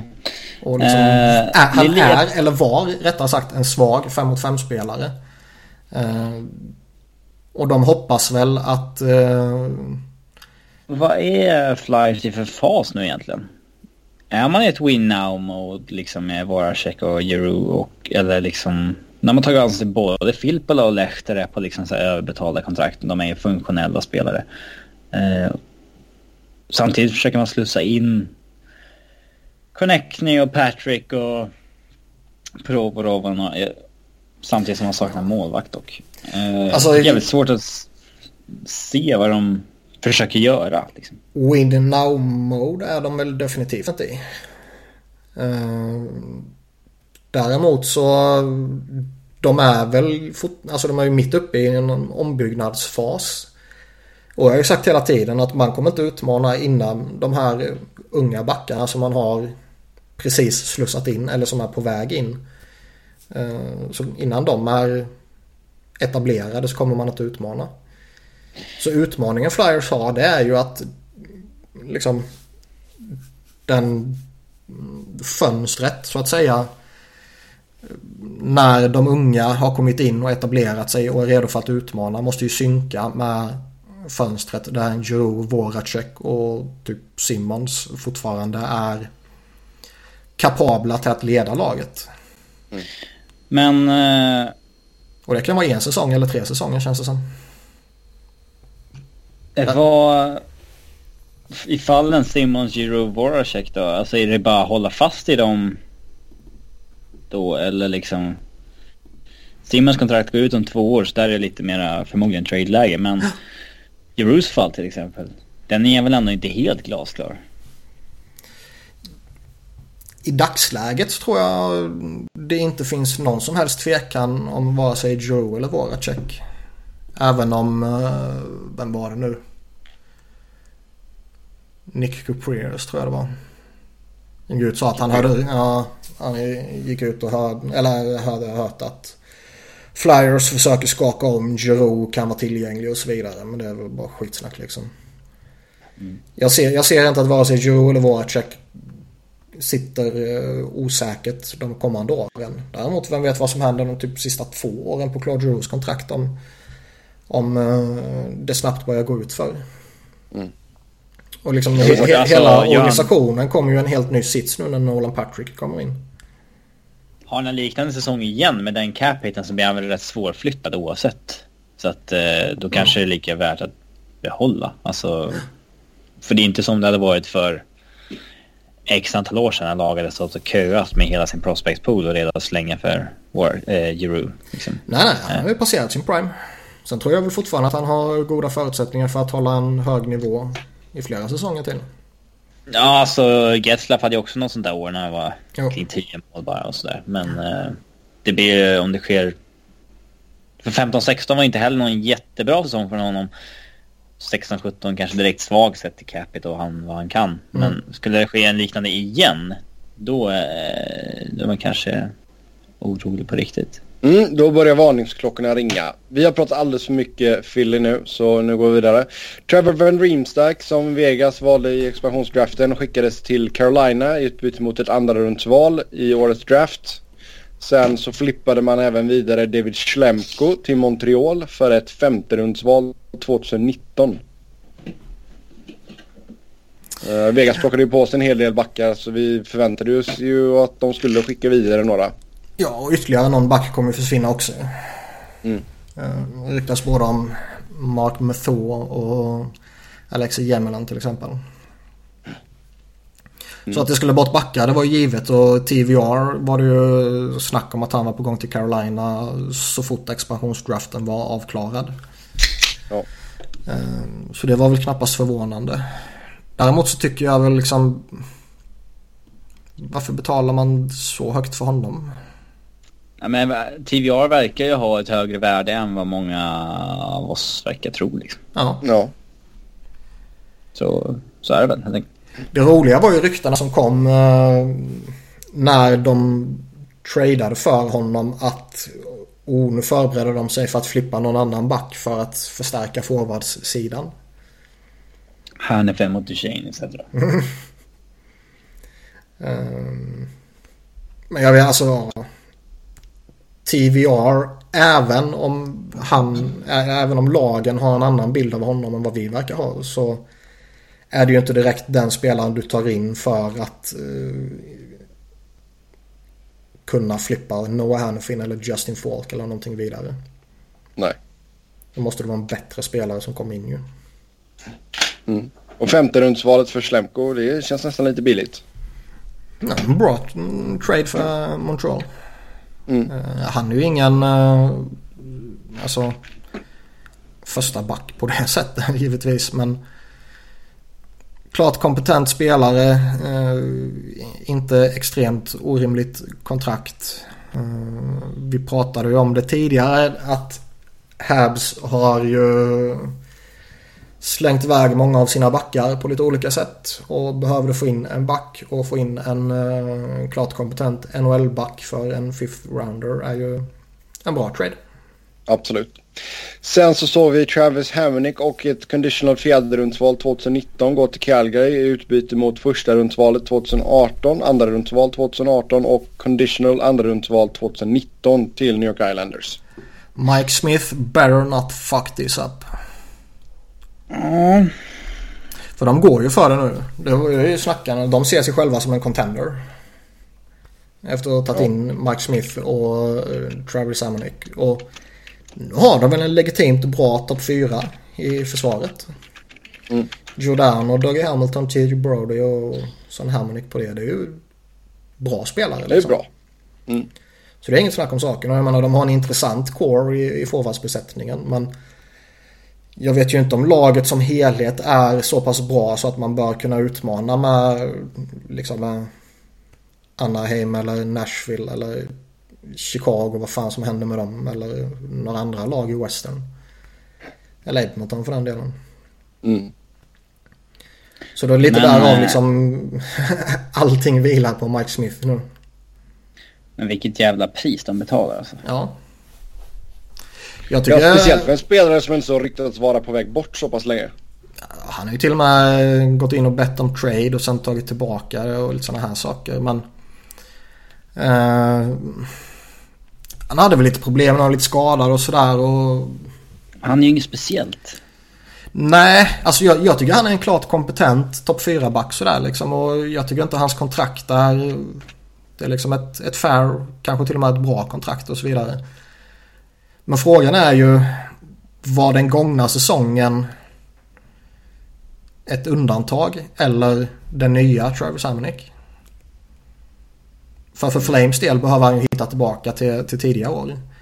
Oh ja. Och det var som sagt ett rätt högt pris man betalar för en back som... Ja, han kommer göra lite poäng här och där. Men jag ser ju inte honom direkt som någon som går in och liksom driver ditt försvar framåt på det sättet. Mm. Uh, Islanders var ju inte klara där. Man tradade till sig Jordan Eberle från Edmonton i utbyte mot Ryan Strome. Rätt upp och ner bara. Ja.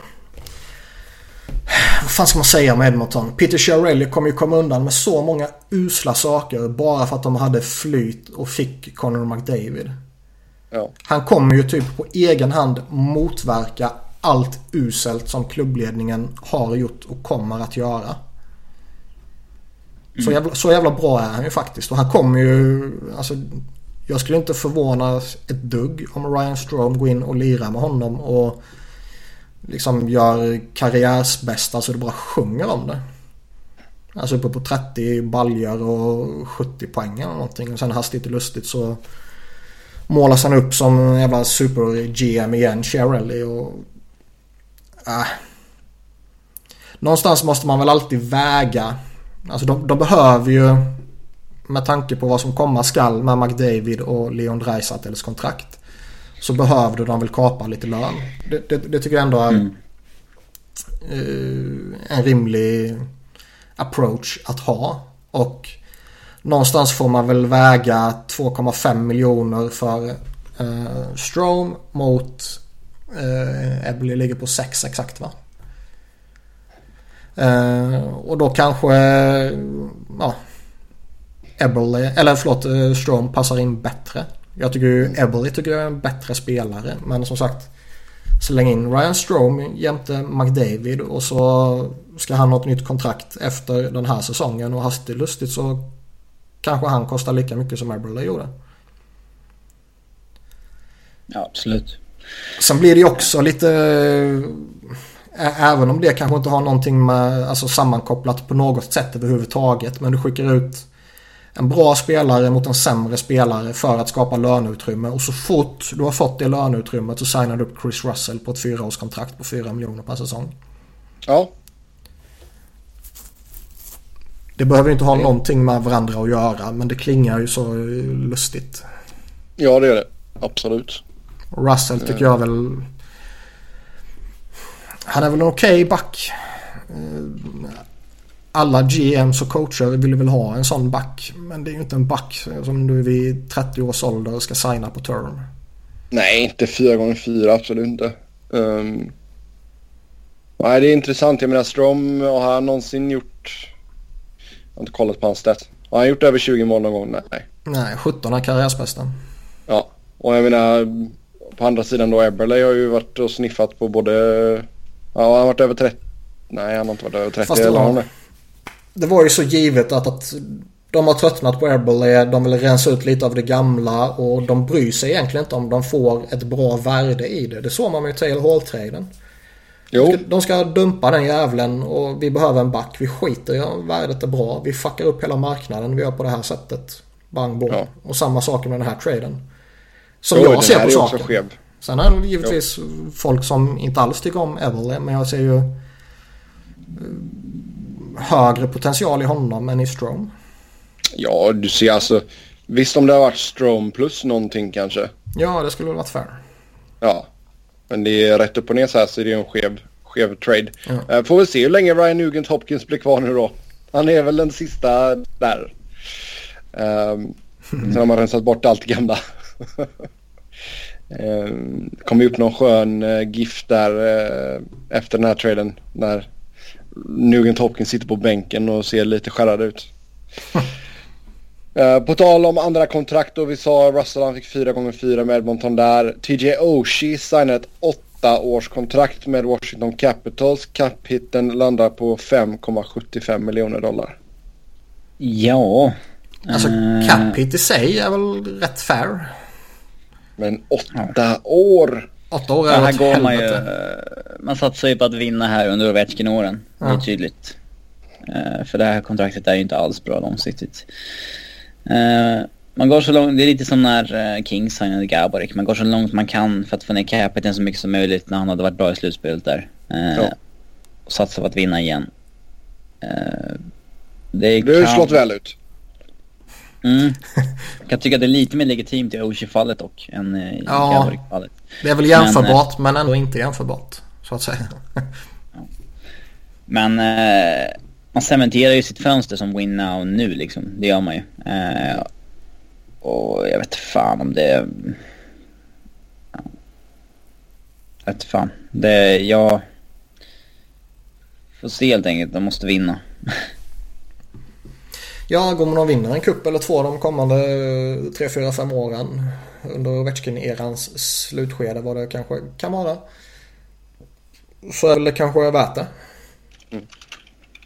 Sen Patrick Eves. Han och hans fina skägg. Skrev på ett treårskontrakt med Anaheim. 3,5 3,15 miljoner blev det capita för honom. Man hoppade ju, hoppades på ett lite galnare kontrakt faktiskt. Det här känns ju inte allt för dåligt. Nej, det är ju inte helt crazy. 33 år, han kommer från en jävla supersäsong där han pissade in mål. Eh, för första gången i karriären liksom. Ja. Och eh, man bara såg ju framför sig att han skulle få ett riktigt bra kontrakt. Så det var ju lite tråkigt. Mm. Fast det är ändå dyrt som fan. Det är ju. Ja det är det, men det är ju inte helt uppåt väggarna. Nej. Man såg ju en chans framför sig där det kunde vara betydligt mycket galnare. Ja, eh, Edmonton har gått ut och sagt att man kommer matcha alla offer sheets på Leon Draisaitl. Och eh, hur mycket är då Tysklands Wayne Gretzky värd? Alltså jag hoppas ju verkligen att någon testar honom här. Ha, men Edmonton, ja, är- alltså de säger att de kommer matcha allt så då kommer de ju matcha allt. Uh, får man ju anta liksom men Nej, inte säkert. Det kan saker man säger i avskräckande syfte också. Ja. Men jag menar, vi får ju aldrig se några jävla offer sheets ändå ju. Nej. Det, Nej, det, nej, så är det ju. Men jag menar är det någon gång som det kan vara värt att göra det så är det ju på en sån här spelare. Ja, ja, men det är klart. Men jag menar, vi har ju sett lägen förr där det har varit riktigt bra spelare som har varit liksom att du måste bara igenom så här mycket för att sätta det andra laget i skiten verkligen. Ja. Och så har det inte hänt någonting för man har någon slags jävla gentleman's agreement att nej, nej, vi offersheetar inte. Det är, alla ska vara kompisar. Det är ju... Ta Ja, bort offersheets ändå liksom om det inte ska användas. Ja, och liksom skulle du lägga ett offersheet på någon så blir det, får du liksom skaffat dig en fiende i ligan och då kommer Ja. ingen annan GM vilja förhandla med dig heller. Har Paul Holmgren har ju snackat om det efter han offersheetade Shea Webber. Ja. Att helt plötsligt var det ingen som ville prata med honom längre. Nej, det, det, är så, åh, det är så jäkla mesigt. Det är alltså, där vill man ju verkligen gå in på GMs meeting och säga att sluta vara så jävla buddy-buddy med varandra. ja, typ. Jag fattar inte, man konkurrerar med allting hela tiden, tävlar mot varandra hela tiden. Men sen så fort Ja. någon spelare blir RFA, då är det så här. Ska man hålla Nej, varandra vara ryggen typ. Ja, det är, det är så jävla dåligt. Framförallt de här mellanspelarna, jag skulle vilja offersheeta. De som är Mm. liksom, inte Dreisaitl bra men liksom mellanbra. Ja. Det... Men hur mycket, hur mycket tycker vi att Dreisaitl är värd då? Kommer ju från en jävla säsong. Ja... Nej. Alltså han är ju 21 år gammal, 77 poäng. Ja. Han borde ju åtminstone upp på pengarna som Nugent Hopkins har, över 6 miljoner, det är han garanterad. Mm. Ja. Eh, 6,5-7 någonting. Mm. Och sen vill du ha det på åtta år liksom? Ja, absolut. Mm. Käka några UFA-år år där. Um. Mm. Nej men sju, ja, sju gånger åtta. Typ. Ja, varför inte? Mm. Och får han det så ligger väl Nugent Hopkins ännu sämre till. Spontant känns det ju som att uh, han kommer ryka. Antingen mm. på grund av kappsituation eller för att som vi sa tidigare han är den här sista gamla som vi ska rensa ut. Mm. Uh, ryktas ju om att Conor McDavid kan få 14 miljoner i capita. Mm. Den siffran slängde Jeff Merrick ut sig också i Merrick vs Wyszynski som någonting han skulle be om ifall han var McDavids agent. Eh, och... Men det, alltså grejen är där att gör du inte... Jag tycker att ska du upp på de jävla pengarna, visst han är ju värd det så att säga. Men du försämrar ju förutsättningarna för laget så jävla mycket. För jag menar, säg att du tar 11. Så jag menar du kan fortfarande få in en bra spelare på 3 miljoner. Jo, så är det väl men... Då ska du lita, lita på att ledningen gör något vettigt för de 3 miljonerna också. Jo, men du får fortfarande 11 miljoner om året i åtta år. Ja, han kan ju klara sig på 3 miljoner om året också om man vill. Ja. Men alltså det... Alltså fan vad roligt om de skulle gå in och köra en bridge deal med honom. Det kommer inte hända men det hade två år på jävla roligt. Ja men såhär två år på typ 5-5 liksom. Um. Nej men... Alltså, jag, jag tycker att det är jättekonstigt om man får de... Eh, de pengarna. Alltså Crosby har ju också tjänat de pengarna. Men då var det en annan typ av kontrakt som tryckte ner capiten. Ja. Så att... Uh... Men det känns bara som att 14 miljoner, visst han kanske är värd de pengarna. Uh, men det ställer till det lite väl mycket för laget i helhet kan jag tycka. Fan. Ja, men alltså... Det beror ju så på lite. Alltså ska, ska man jämföra med andra kontrakt så får man ju jämföra alltså, procentuell del av lönetaket också. Ja. Alltså med tanke på hur mycket... Jag menar jag tycker alltså redan det, Lönetaket ökar ju några miljoner för varje år som går nästan. Och kommer öka till kommande säsong också. Så eh, alltså 14 miljoner för McDavid är väl kanske inte orimligt jämfört med de andra dyra kontrakter som skrev för x antal år sedan. Jag menar jag tycker redan vi har sett hur mycket för jag tycker inte... 10 miljonerna för Taves och Kane har ställt till det för Chicago liksom. Jo, absolut. Men jag menar visst, de två ställer till jättemycket där. Men de är ju inte ensamma om att ställa till det om man säger så. Nej. Och jag tycker fortfarande... Men alltså, man, är det ett större problem att betala 3 miljoner, så att säga, eller betala ett rimligt pris för McDavid än att han tar en discount? Än att de betalar liksom 4 miljoner för Chris Russell och liksom 6 miljoner för Milan Lucic och... Alltså de, de kommer ändå göra något dumt för de pengarna. Jo, det är i och för sig sant. Jag, jag tycker inte att han ska skämmas om han ber om 14 i alla fall. Han kommer inte landa på 14 tror jag. Men, eh, Nej, men om han ber om 14 och så får han 12 liksom. Jag tycker inte det är eh, det minsta oroligt. Och jag menar betala McDavid 12 under hans prime liksom. Ja, exakt. Och, och liksom betala Jonathan Toews 10,5 efter hans prime. Det är ju... Ja. Ja, det är ju tjänstespel. Det är ju inte riktigt ja, Som att såhär, betala i efterhand grej eller betala i förväg så vet jag vad som vad man föredrar. Ja. ja.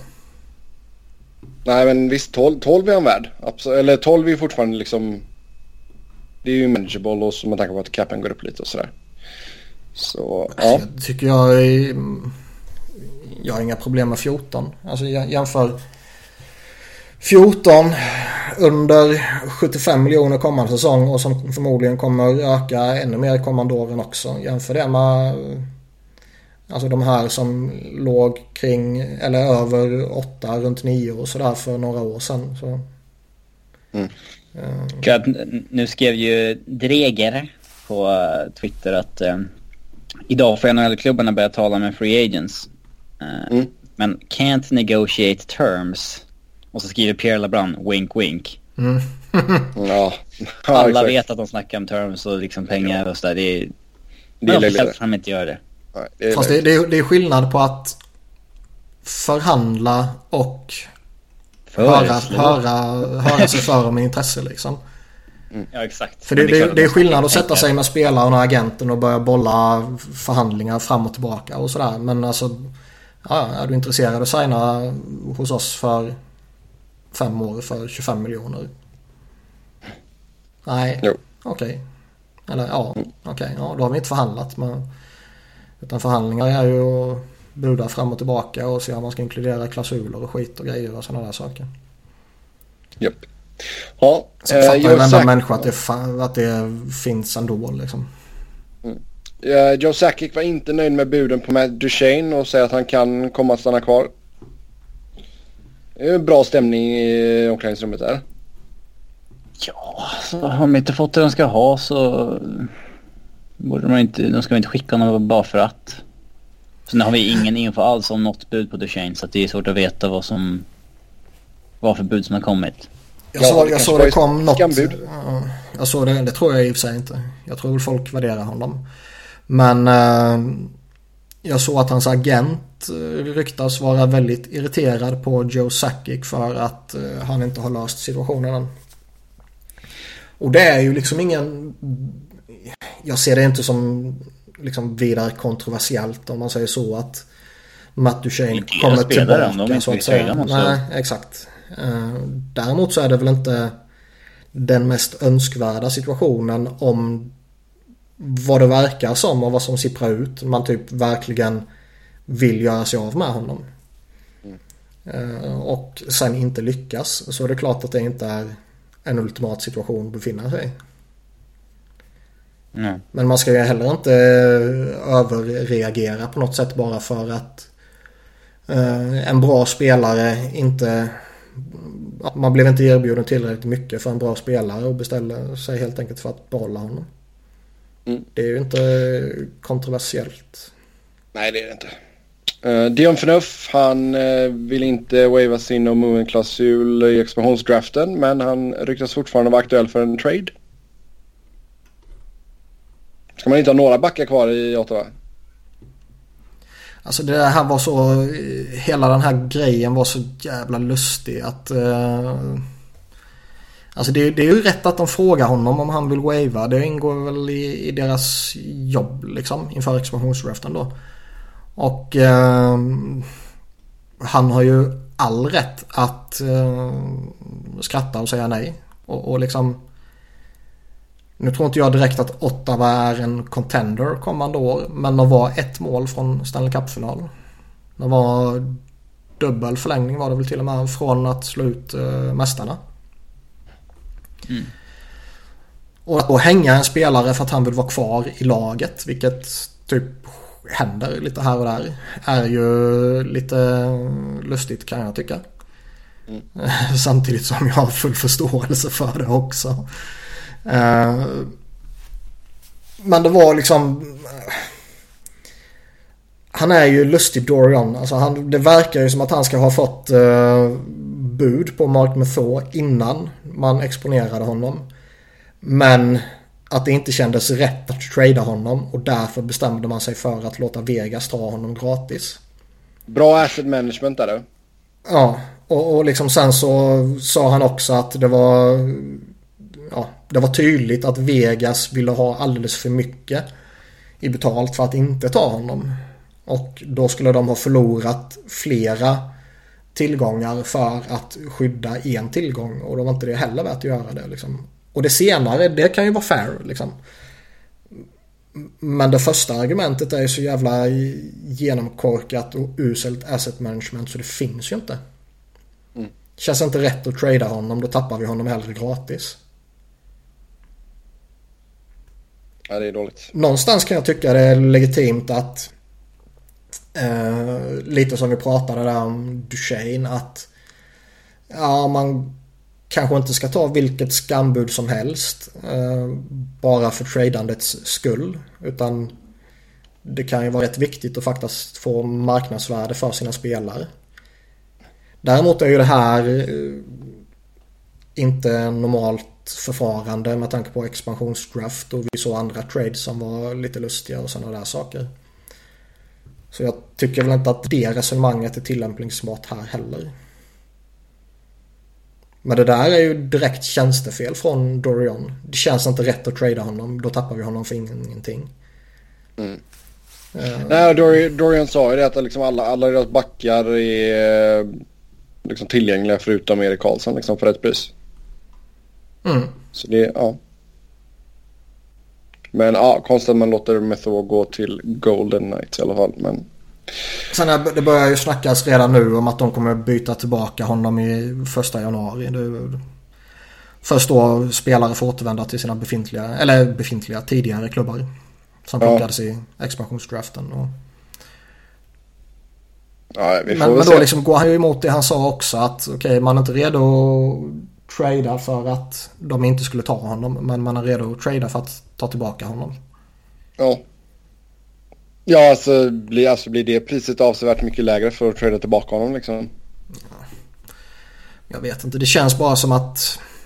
Alltså jag tycker Mark Methor, jag tycker han är en klart kompetent back sådär. Och bevisligen så har han väl fungerat eh, helt okej okay med Erik Karlsson med tanke på vad Erik Karlsson har lyckats uträtta. Men eh, det känns bara som att eh, Ottawa kommer överreagera och göra något dumt här nu liksom. Mm. De kanske, de ja. kanske går in med den backuppsättningen de har nu i kommande säsong och sen kommer ingenting funka och så kommer alla flippa ut för att det var Mark Methor som saknas och så vidare och så vidare. Mm. Fanöf är ju lite intressant dock. Nu pratar vi om Dorian och Methor när vi tog upp honom. Men mm. han är ingen 7 miljoners back och han är ingen första back och han börjar bli gammal och så vidare. Men jag tycker han gjorde det bra i Ottawa. Jag tycker han gjorde ett helt okej slutspel och så vidare. Och det är ju inte så att jag skulle ta in honom om jag är på backjakt och behöver stärka upp mitt försvar med en eh, liksom ny spelare. Däremot eh, skulle jag vara intresserad kanske att byta om jag har en annan back som inte är perfekt mot honom så att säga. Ja. Sen behöver, mm. behöver de väl behålla lite lön om det ska bli en trade men jag tror inte han är otradebar så att säga. Mm. Sen sägs Alexander Radulovs krav vara på 6 år och 7 miljoner capita. Det är lite skoj för det var väl inte så värst länge sedan det pratades om att de var nära ett treårskontrakt. Mm. Alltså det... Alltså är han fortfarande en chansning Radulov? En chansning är väl han inte. Han har, alla visste väl att han var duktig redan innan han kom tillbaka till ligan så att säga. Eh, chansningen är väl att han är 30 bast. Ja, sjuårskontrakt. Eller allt längre än tre är ju lite känsligt. Eh, ja, eh, ja, jag vill inte skraj för att signa upp Radulov så liksom. Han är ju som sagt jätteskicklig men gå jättelångt på honom skulle jag väl inte vara supertrygg med. Samtidigt som man mm. kanske ja, inte ska överreagera jättemycket om det blir så heller om man är Montreal-supporter. Nej. Sen uh, Marcos Scandella sägs vara på marknaden, sägs kosta ett uh, första rumsval. Boston och Washington tycks vara intresserade av Scandella. Ja, det där priset som det snackas om var väl uh, innan den gångna draften nu. Ja. Och Bob McKenzie var det tror jag som skrev att han typ var nästan övertygad om att Minnesota skulle skicka en back under fredag, lördag. Så man undrar väl lite om priset har förändrats nu när draften har passerat. Och jag skulle väl inte direkt vara sugen på att betala en first rounder för honom. Även om den Nej, skulle vara heller. väldigt sen.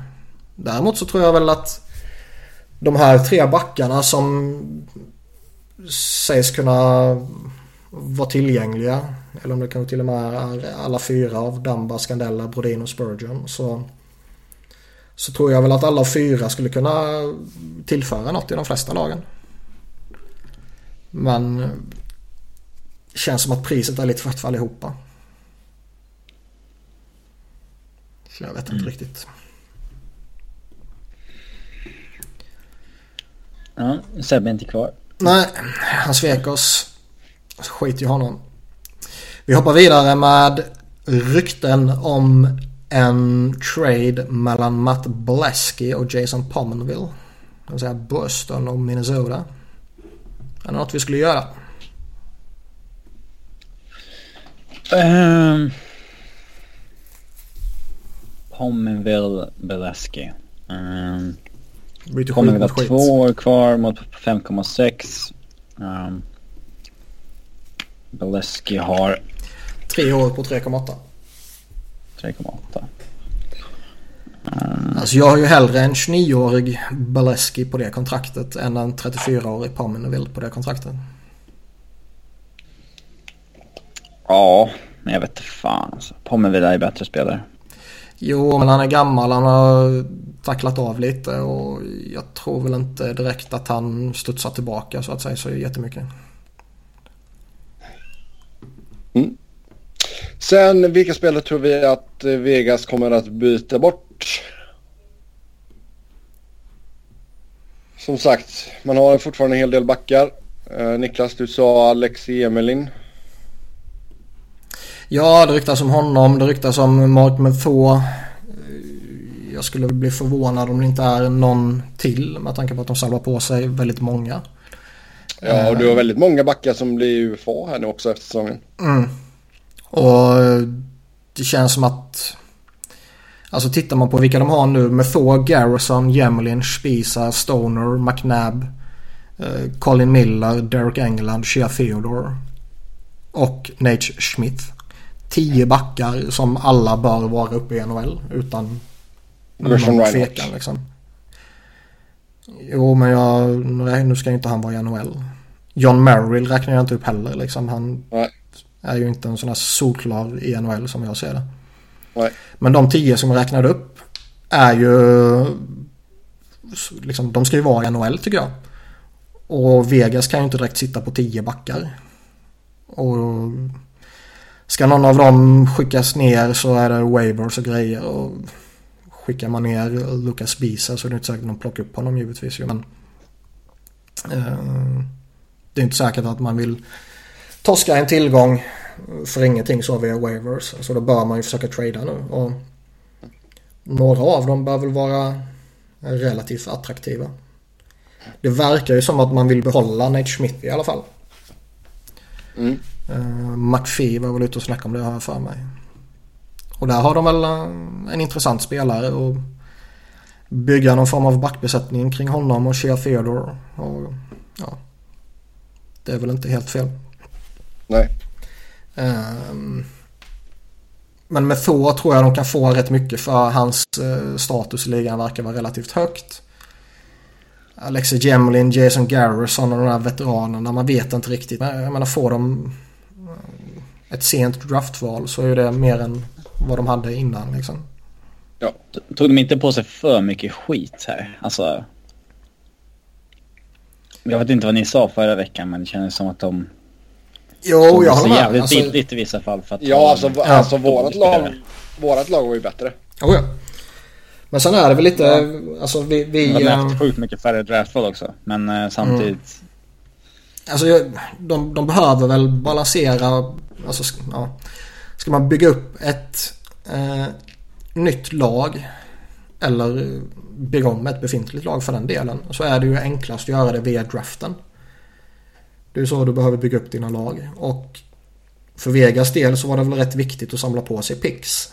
Vilket de gjorde. Och de, liksom, de hade tre stycken first rounders till exempel. Och har samlat på sig några bra spelare där och, och så vidare. Men Samtidigt som man gör det så tror jag det är jävligt viktigt när du skapar ett nytt lag så här från ingenting. Att man kan vara något sånär slagkraftiga direkt.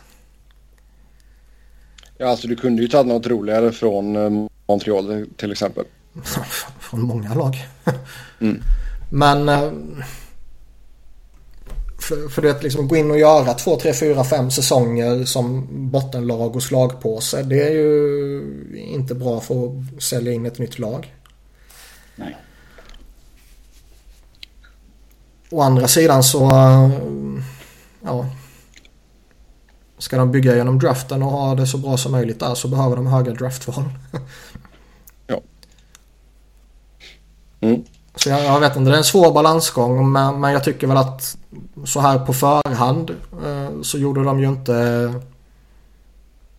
bästa möjliga för att kombinera, eller, ja, kombinera den balansgången på bästa möjliga sätt som jag ser på det. Mm. Mm. Eh, om du ska säga tre stycken backar här av de tio som ryker innan säsongen startar. Methoa, Emelin och eh,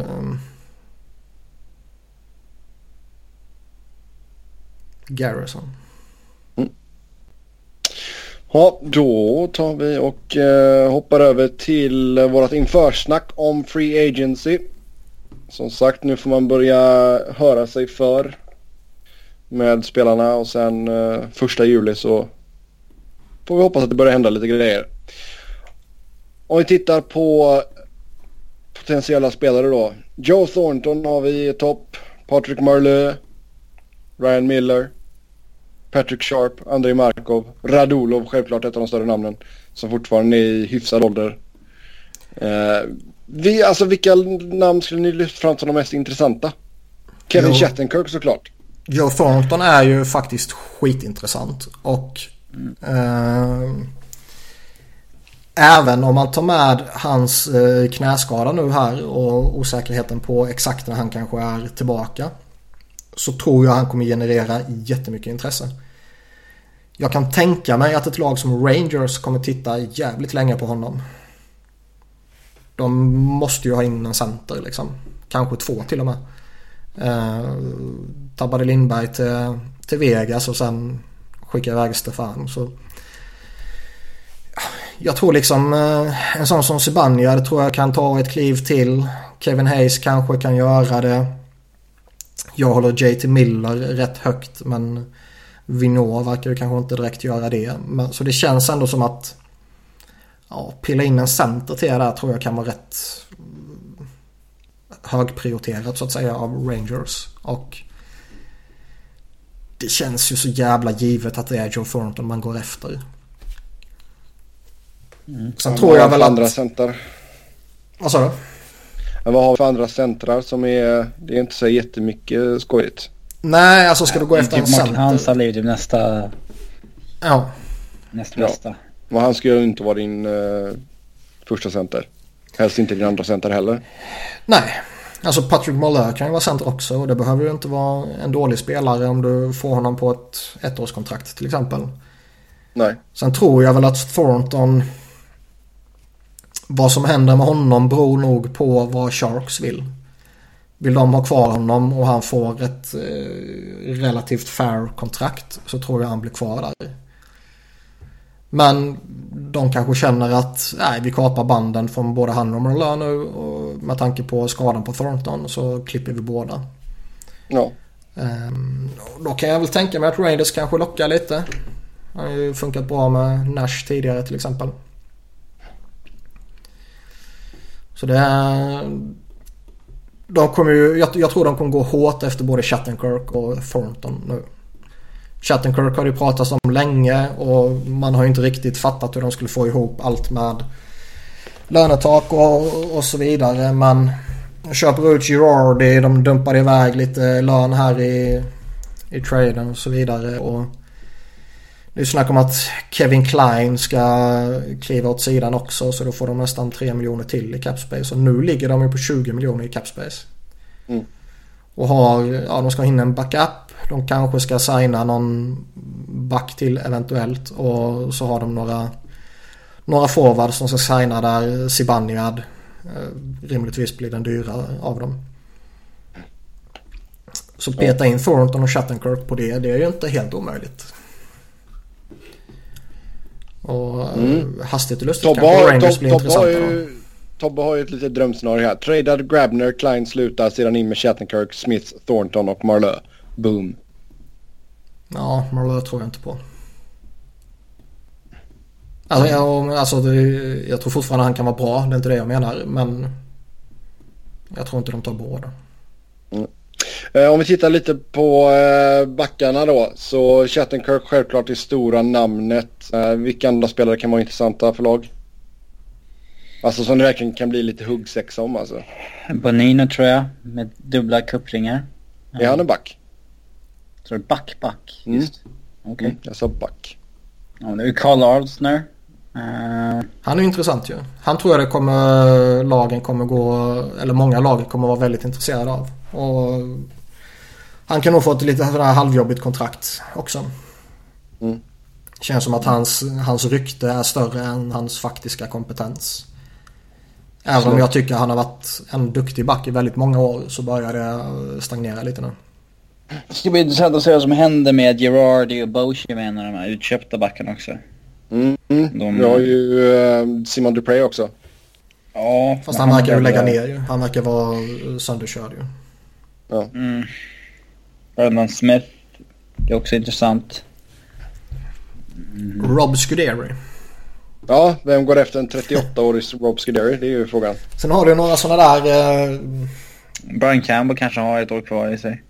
Ja, det finns ju några sådana där spännande. Alltså, alla lagen vill väl peta in en Kevin Shattenkirk eh, om man skulle ha möjlighet. Men känner man att man kanske inte riktigt har relevanta möjligheter att ta in honom för att han kanske hellre vill till Rangers eller något annat lag så kanske det du istället direkt kommer sikta in dig på en eh, Michael Stone eller Michael Del Soto eller alltså andra sorteringen så att säga och ta dem direkt istället. Ja. Cody Franson snackar vi om för, ja det är ju ett par säsonger nu men liksom vad, har han något kvar att tillföra? Han är ju inte klappkass. Han är ju inte fantastisk heller. Och det man såg lite tendenser av tidigare har man väl inte sett jättemycket av kan jag tycka. Nej. Sen är det väl den jävla sitsen som han har varit i, eller som alla har varit i i Buffalo är ju inte den mest gynnsamma direkt. Nej. Jag kan tänka mig att det finns någon form av uh, relativt stort intresse men jag tror inte det kommer bli en superbudgivning för honom direkt. Mm. Annars är det mycket, mycket äldre veteraner som är tillgängliga. Ja, du hittar ju inte många 20-åringar på UFA-marknaden. Nej, nej, nej, absolut inte. Men det är inte ens sådär jättemånga som är fortfarande i 20-årsåldern liksom. Det är, som är Nej, det är ett tråkigt utbud. Alltså den, den mm. intressanta och han är ju verkligen superintressant. Det är ju Joe Thornton som sagt. Ehm, mm. Dels med tanke på den lilla twisten med skadan där. Men framförallt att jag är fortfarande helt övertygad om att han är en riktigt duktig center. Kevin Shattenkirk skulle ju vara superintressant om det inte är för att han verkligen verkar vara typ klar för Rangers. Ja. Ja, det är sant. Uh, om, vi tittar på mål, om vi tittar på målvaktsmarknaden då. Um, Ryan Miller självklart ett stort namn men lite gammal. Um... Som jag ser finns det tre namn som är något sånär intressanta. Och det är Bernier, mm. Mason och Brian Elliott. Um, det finns väl två lag, kanske bara ett lag som egentligen söker efter en första målvakt. Och det är ju Winnipeg och Philadelphia. Winnipeg kanske ändå fortfarande... Man vet ju inte vad som händer med Connor Hellback där. Nej. Alltså antingen så bara exploderar han kommande säsong och de ser honom som första målvakt redan nu. Om man vill bara ha in någon liten uppgradering bakom honom. Eller så vill man ha in en första målvakt för att man vill ha honom på tillväxt lite till.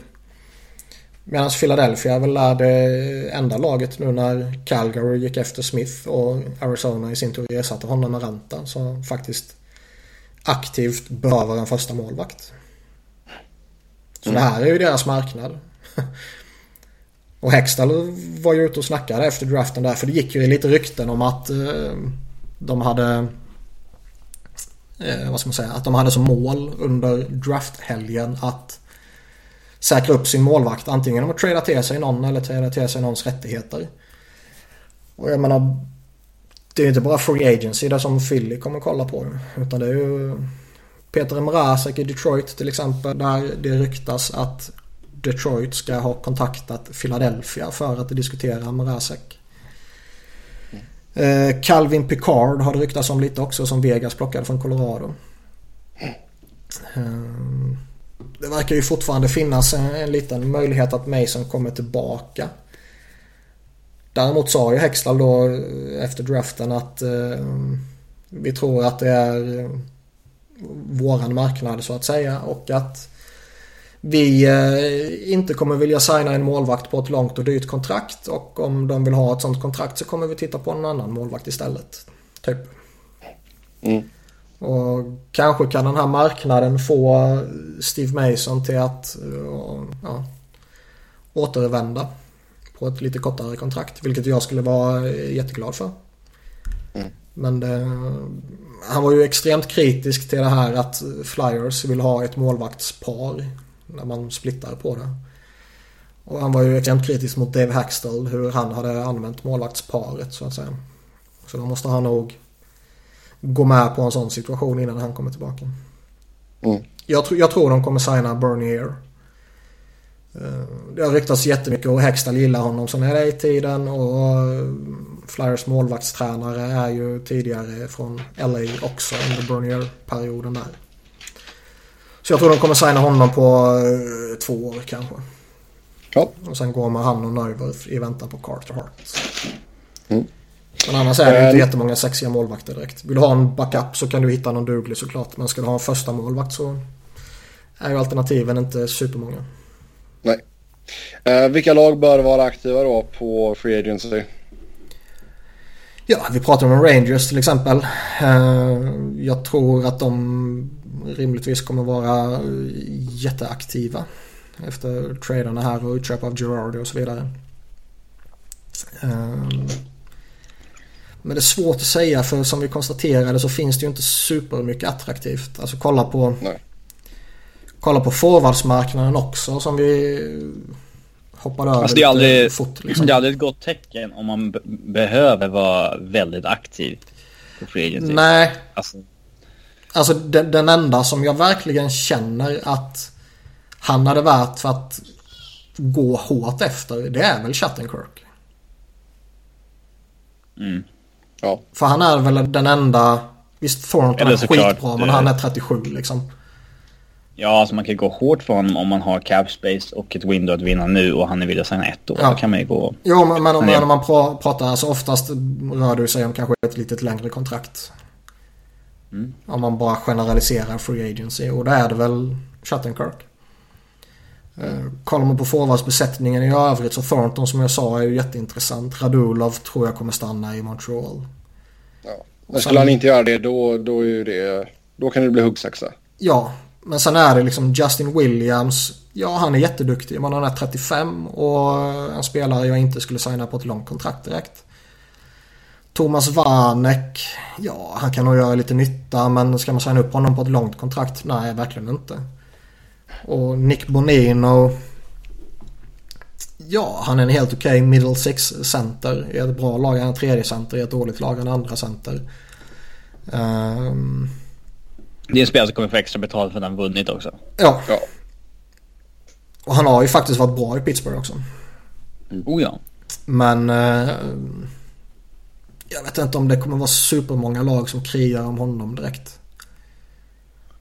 Och liksom utöver dem så tycker jag ju att Free Agency-marknaden på forwardspositionen också är relativt tråkig. Mm. Alltså Jäger, han är ju supercool men känslan är att nu kommer de ju vilja flänga med honom vad det snackas om. Ja. Så ja, en handfull forwards som är intressanta och där det egentligen kanske då bara är en spelare som är jätteintressant och han kanske inte ens når marknaden i Thornton då. Nej, exakt. Uh, vem uh, tar en chansning på Sam Gagné efter det fina året han hade i Columbus?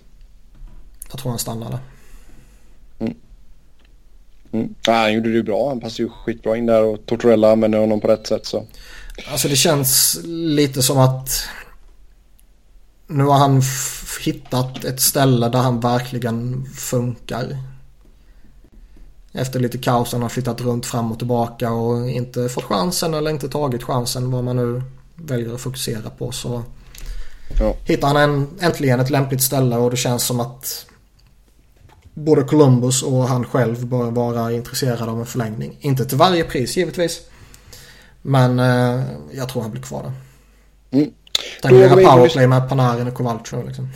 Ja, det är nice. Mm. Uh, vi går in på lyssnarfrågorna då. Som vanligt tack till er som har skrivit in. Eh, först ut så har vi hur förbannad hade ni varit om ni likt mig håller på Sens och tillåter laget att exponera sin näst bästa back i expansionsdraften? Alltså de var ändå hyggligt inmålade i ett hörn där med Dion som inte ville wava sin klausul och så vidare. Så att det är inte så här... Uh,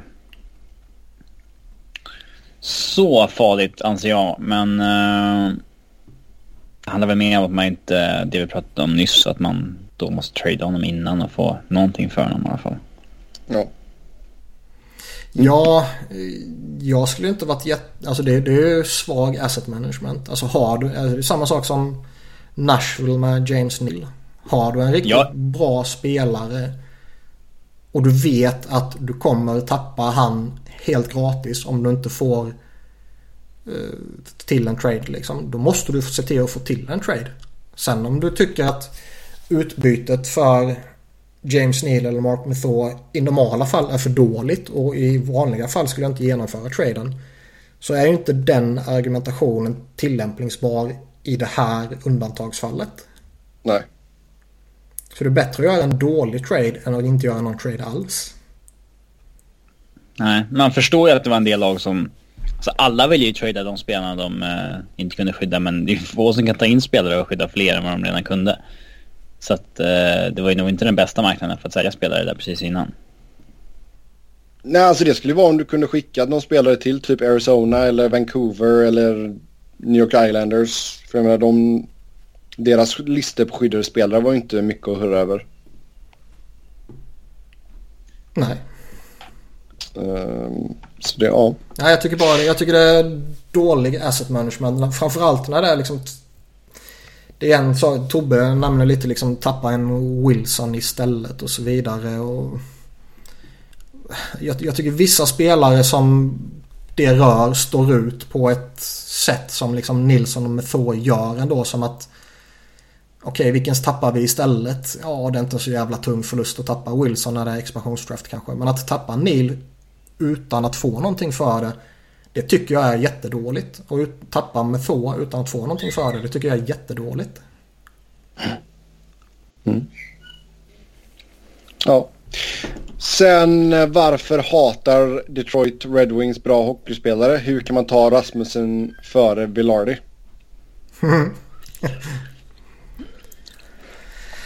ja, alltså jag har inte sett båda så mycket så att uh, jag personligen kan ranta så mycket om det. Men... Uh, det roliga, det... De roligaste rantarna som finns är ju annars när man rantar utan att ha någonting uh, att ranta baserat på.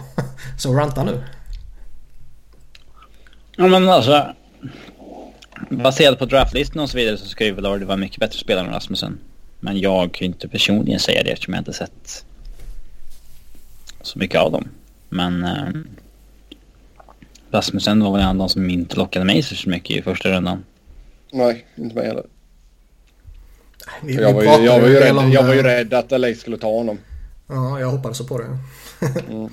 vi, eh, vi pratade om det rätt mycket tidigare så man behöver inte säga samma saker igen. Men att Ken Holland har gått ner sig det. de senaste åren. Det är ju jättetydligt.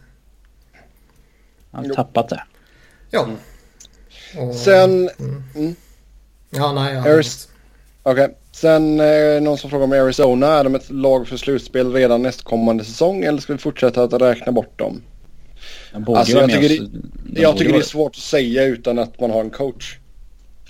Ja, men hur dålig... Alltså, så, så, länge, så länge de får en... Uh, visst sätter de in mig som coach så kanske det går åt helvete. Men liksom så länge de får en... Alltså en, en normal coach. Ja. Så... Uh, så tycker jag väl ändå att man kan... Och det får man ju förutsätta att de får såklart. Så tycker jag ändå att man kan börja diskutera deras möjligheter. Mm. Så de har ju lite luckor att fylla på free agency-marknaden också såklart. Eh, framförallt på forwards sidan med djupet. Men mm. eh, eh, jag tycker absolut att de borde vara ett bubbellag nästa år. Ja, det bör det vara. Som vi sa tidigare, de har fått in en första målvakt. Förhoppningsvis för deras skull. De har fått in en första center och de har fått in en väldigt bra back för ett första par. Vilket man kanske kan förutsätta att han går in och spelar jämte Ekman Larsson kanske. Jo, ja. Och eh, det är ju extrema förbättringar de har gjort. Mm. Och lägga till de pusselbitarna mot det de redan har i form av deras prospect pool. Och lite övriga vettiga spelare som kanske har passerat prospect status om man säger så. Ehm, så hastigt och lustigt så kan ju faktiskt Arizona ha något spännande på gång. Ja. Ja, nej, det blir intressant också att se ifall, eh, alltså beroende på vem man får in som coach här nu, men om man kan få, eh, få pejl på Anthony Duclair också. Han var ju ingen tippet favorit. Eh, vad sa du? Jag läste en sak. Eh, jag sa Anthony Duclair om man kan få rätsida på honom. Eh, för han var ju ingen favorit av tippet. Eller hos tippet. Mm. Ja, det bör man kunna få. Det är en duktig lirare. Mm.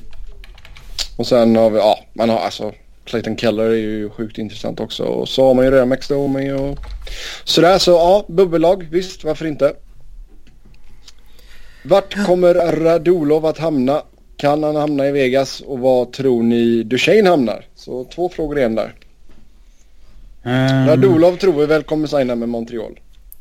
Ja, däremot om det stämmer det här att... Det? Alltså att det här sista ryktet som vi pratade om tidigare om nya kontraktet. Om, om det är att signa honom på det eller att släppa honom. Och så kan jag kanske tänka mig att sannolikheten att han stannar minskar lite i alla fall. Ja. Men eh, jag, jag tror han kommer bli kvar i Montreal. Skulle det inte bli så så känns det som jag tror Vegas kan ligga bra till. Ja. Alltså han har väl någon form av connection med Shipachov och får de in Dadonov också och så slänger de upp en helrysk första kedja så är ju den eh, en första kedja värdig namnet. Ja. Och sen Duchene då? Ja. Det är svårt att veta när man inte har några uppgifter om priset. Men jag tycker att det borde vara ett alltså, tiotal lag som försöker fynda på Duchene nu när hans värde uppenbarligen eh, hos Ävs är rätt lågt. Mm. Tittar man rent statistiskt på vad han har åstadkommit de senaste åren så borde han vara högintressant för alla lag som behöver scoring. Mm. Släng ut ett lag. Uh, Nashville. Oj. Det är ju, Nashville är faktiskt jävligt intressant. För de har ju pusselbitar för att få honom. Å andra sidan så verkar de vara starkt emot att offra någon av sina topp 4-backar. Mm. Vill man ha något bra så måste man ge upp något bra. Så i slutändan kanske det blir så ändå. Men... Uh, uh, ja, om man tittar på topp 4-backarna.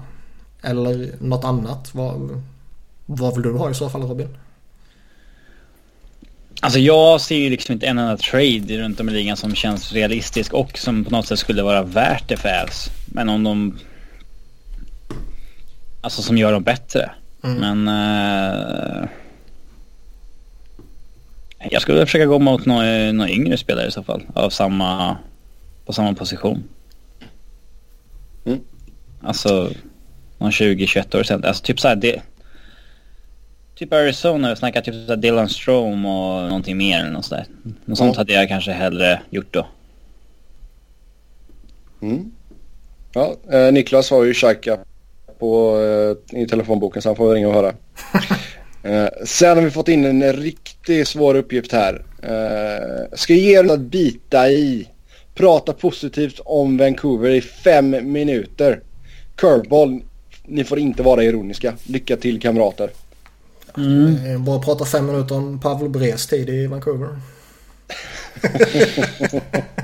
ja, jag tror det är dagens Canucks vi ska prata om. Men ja, mm. starta. Sta, jag slänger på en sta, stopwatch här. Ska vi se. Stopwatch. Okej, okay, tre, två, ett, kör. Ja, eh, bröderna Sedin har ett år kvar på kontraktet. Mycket bra för Vancouver. Eh, Louis Eriksson borde eventuellt ha ett bounce back year med tanke på att han hade en väldigt svag säsong i fjol. Eh, Marcus Granlund ser ut att ha varit en fin trade för eh, Vancouver och han bör kunna ta någon hygglig roll. Eh, man blev av med Lucas Spisa. Mycket, mycket bra. eh, och eh, jag tror också att det är bra att Ryan Miller är utgående, att de får liksom bygga något nytt på målvaktssidan. Snackas väl lite dock att eh, de vill ta tillbaka honom. Okej. Okay. Eh, och att det kanske var, ska vara eh, ja, prestationsbaserat kontrakt. Och det behöver väl inte vara fel. Eh, Nej, de han går ner rätt mycket i, Går ner i lön och man kanske börjar svänga över ännu mer mot Jakob Markström som första valet. Mm. Sen har man ju två, två av Sveriges mest intressanta hockeyspelare, Jonathan Dahlén och Elias Pettersson, som dessutom känner varandra eh, i sitt stall. Eh, Olli Ullevi, Olli Jullevi är eh, en av Europas mest intressanta unga backar som han också har under, eh, under kontrakt. Och eh, man har signat Filip Holm. Mycket bättre spelare än Lukas Bisa. Klar uppgradering där. eh, ja, man har ju anställt en intressant coach i Travis Green. Eh, som har gjort, eh, som har varit en av de här coacherna som alla har sneglat mot senaste åren. Um... Ja, han är ju faktiskt rätt hypad. Eller rätt hypad, han är mycket hypad. Mm. Uh, så det ska bli intressant att se honom faktiskt. Han är ju... Ja. ja. Nu skulle vi prata positivt men det, det är liksom det, ja, prata positivt. det, det är ändå en svår situation i Canucks. Med tanke på att de är lite mellan eh, två faser och inte riktigt verkar omfamna någon av faserna. Alltså ska man fortsätta vara slagkraftiga under Sedinåren eller ska man börja bygga om? Eh, men en sån här fas kan ju faktiskt vara lite intressant att komma in i som coach också. Att du är fortfarande förmodligen tillräckligt bra för att Alltså med Sedinarna och Louis Eriksson som borde vara bättre än han var och så vidare. Och, och liksom Eler, Chris Tanner och så vidare. Så är du tillräckligt bra för att inte vara en extrem slagpåse i en ombyggnadsfas. Samtidigt som du nu börjar ha lite intressanta prospects som Robin nämnde tidigare. Ja, och Bo Horvath har man ju också. Ja, han är ju bra. Och liksom, de, har, de, de kan få ordning på det här igen med eh, lite vettiga beslut från ledningen och bra mm, ja, om Green är på riktigt då så att säga. Och eh, mm, det ska bli lite intressant att följa ändå. Ja, det kan ju bli en intressant första kedja i framtiden där med Horvath och Pettersson och Dahlén kanske. Det är på pappret låter väl det helt okej. Ja, eller så... Alltså... Jake Virtanen kan man väl inte ge upp om ännu till exempel. Um, Thatcher Demko kan bli en bra målvakt fortfarande tror jag och det finns några sådana där spelare som Jake Virtanen är skräp dock. Det kan vi, alltså även om vi ska försöka vara positiva här så han är skräp, han är ingenting. Ja, men jag tycker fortfarande det är för tidigt att ge upp om honom helt och hållet. Han är bara 20 Han kan bli en NHL-spelare absolut, men han är skräp.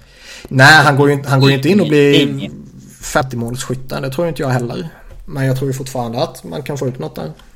Och de har lite andra vettiga sådana spelare så någonting vettigt ska de ju få till så småningom tycker man. Mm. Och nu måste det fan ha gått fem minuter. Nej, 4 och 15. Oh! Ah! Eh, och vi har även Jordan Subban i systemet också. Ja. Han har en bra brorsa. Den kopplingen kan vi Ja, göra. Så det- har vi, slår vi ihjäl 45 sekunder till. Ja, det är ju det är ju bra gener där i alla fall. Så man får väl hoppas att, eh, att han lever upp till familjenamnet även fast han kan, jag vet inte, han kanske är den som är lägst hypad av eh, de yngre bröderna. Eh, så nu ska vi bara dra ut på detta i 15 sekunder till. Eh, vi kan Men säga Christian är att, signad till eh, 2021. Det är mycket bra. mm, Om de behåller honom. Det ryktas lite om en trade. Ja men vad fan. Och jag tror, eh, alltså ska de hålla sig slagkraftiga så bör de nog försöka behålla honom. Å, Stopp. an, å andra sidan så eh, tror jag att man kan få ett hyggligt utbyte för honom ändå. Han nu har det gått fem minuter. Nu kan vi säga vad vi egentligen tycker om Canucks. Ja, de är skit.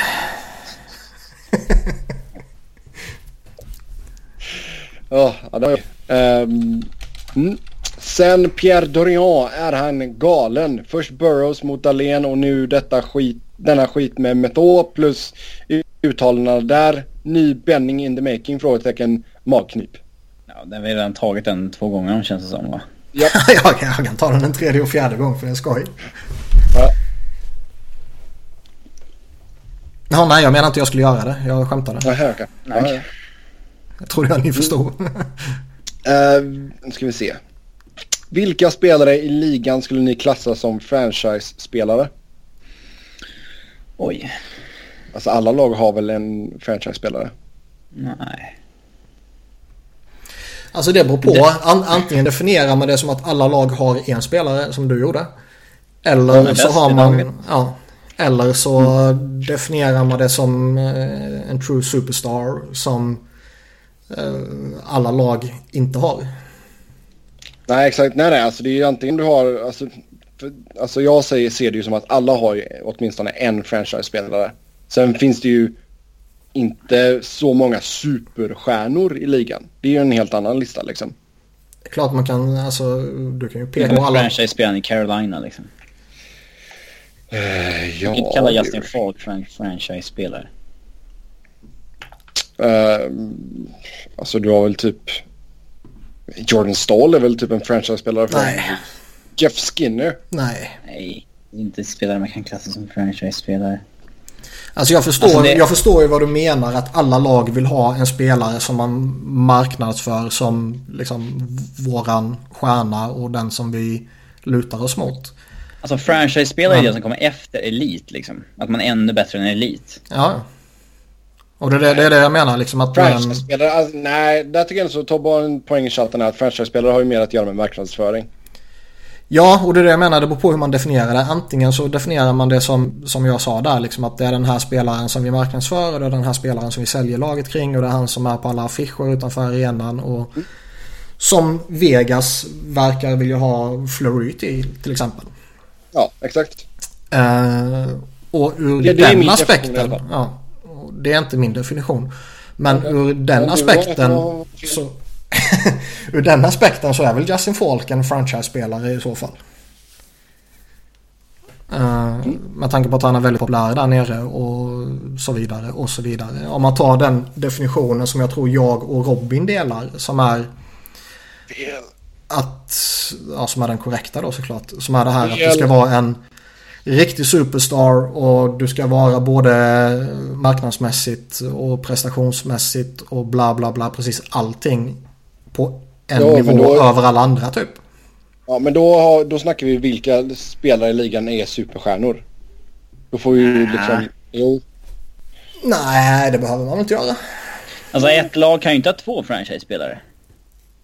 Det är Crosby som är franchise-spelaren i Pittsburgh.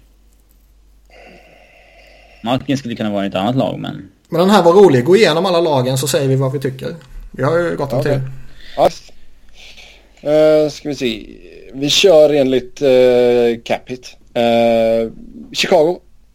Ja, Taves är väl deras franchise-spelare. Det, det går inte att säga något, något annat egentligen. Ni Du, har, du kan ju alltid göra ett argument för Kane liksom. ja, visst, men det håller det med är Taves är Taves. deras golden boy. Alltså det är ja. han som de... Eh, Vegas.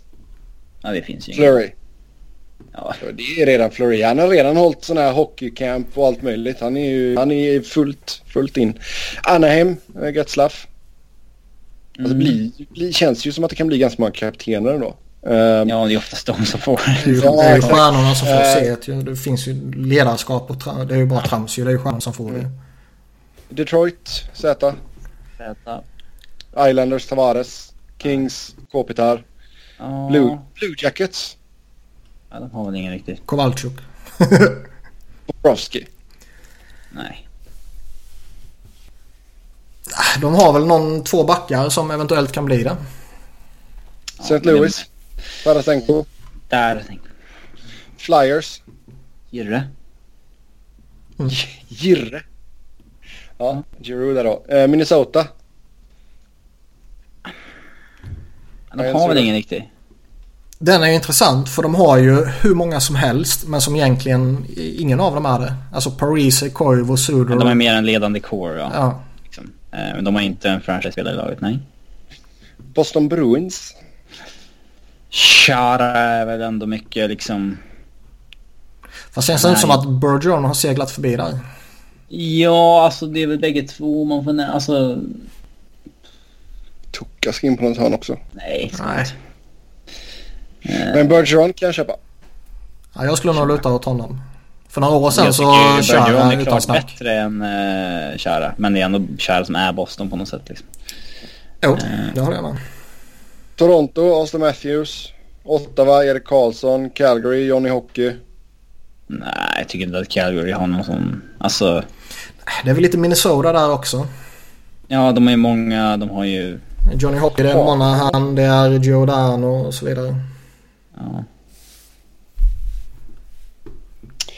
Eh, San Jose. Saknar väl någon nu när Jumbo har lämnat. Om han Ja. lämnar, gör han det? Om han lämnar. Ja, om han gör det. Eh, men visst kan man väl nu kalla Burns för det, absolut. Winnipeg. Är Bufflin eller? Ah, Nej. Nej.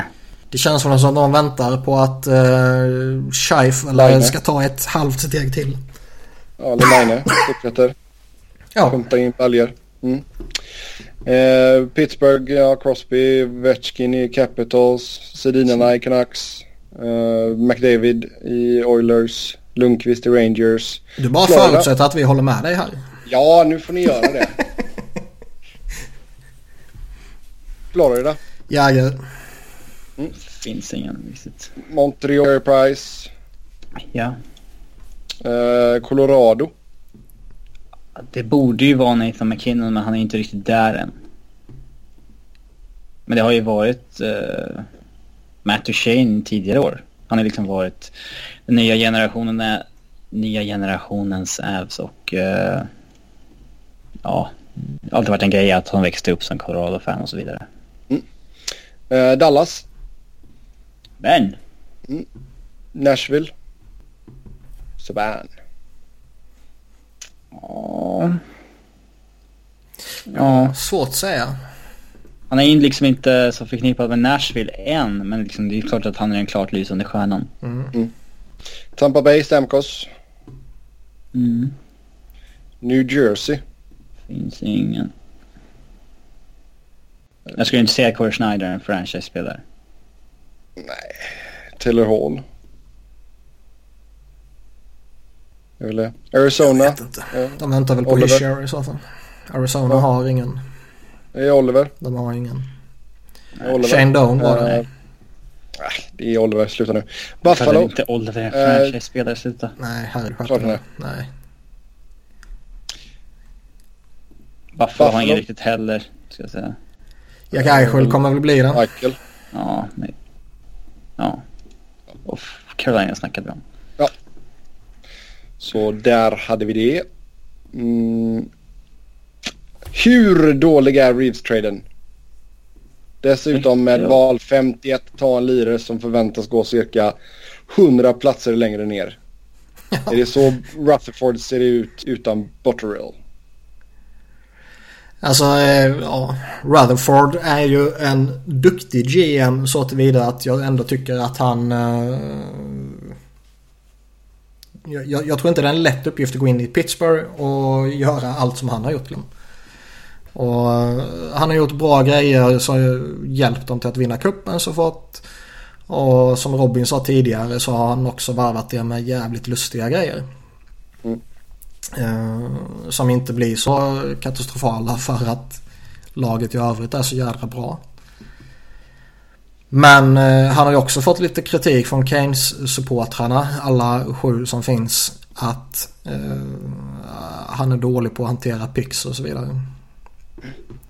Mm. Men den här draften var ju, den, alltså om man bortser från vissa galna Pittsburgh media personligheter.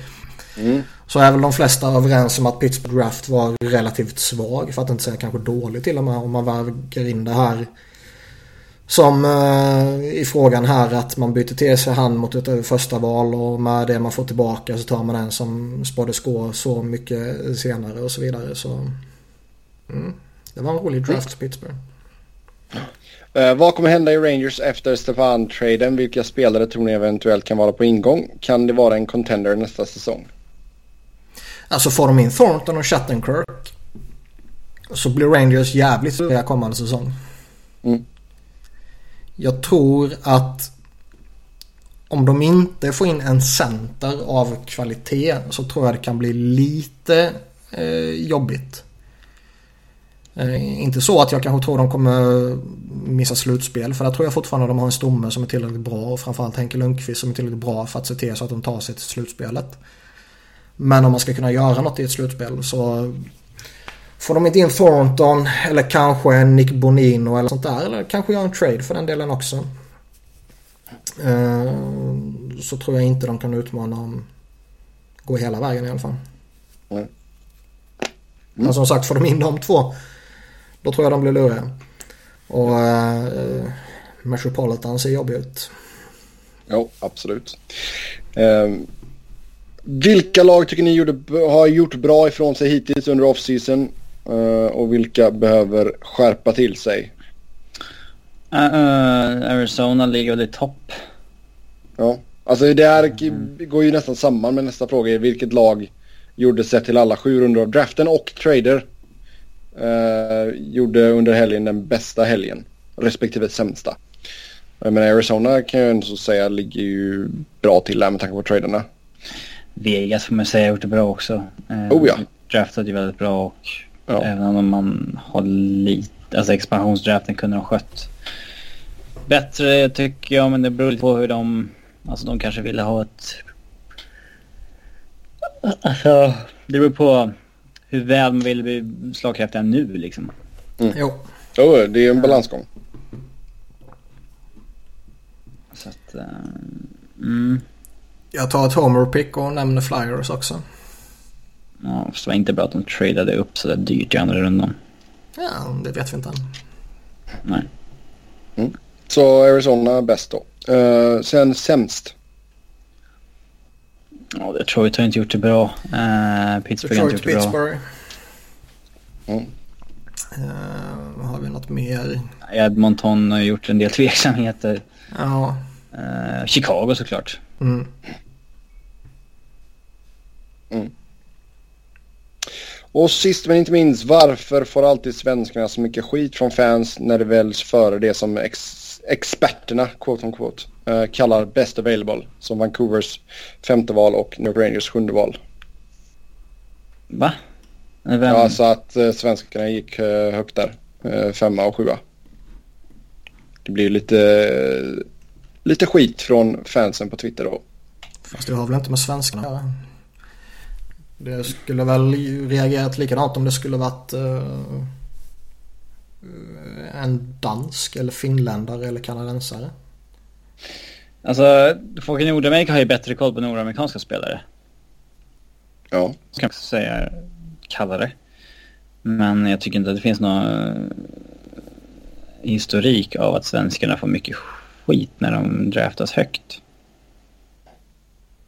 Där Elias Pettersson kan vara också äga för att han gick kanske någon hack för sent. Ja, absolut. Jag håller inte med frågeställaren. I Elias Petterssons fall så håller jag väl inte riktigt med i att han kanske gick för tidigt så att säga. Uh, Lias Andersson är väl en liten annan grej dock, men det pratade vi om tidigare. Ja. Mm. Men det är ju samma sak som vi pratar Rasmussen till exempel. Ja, herregud. Det är sant, det är sant. Hur många norrmän gick det i draften? En. En va? Mm. Sent. Christian Röjkås Martinsen gick som 213 val till, till Washington Capitals. Mm. Så grattis Norge. En fransman gick också. Det var lite uppmärksamhet kring det. Mm. Inga japaner.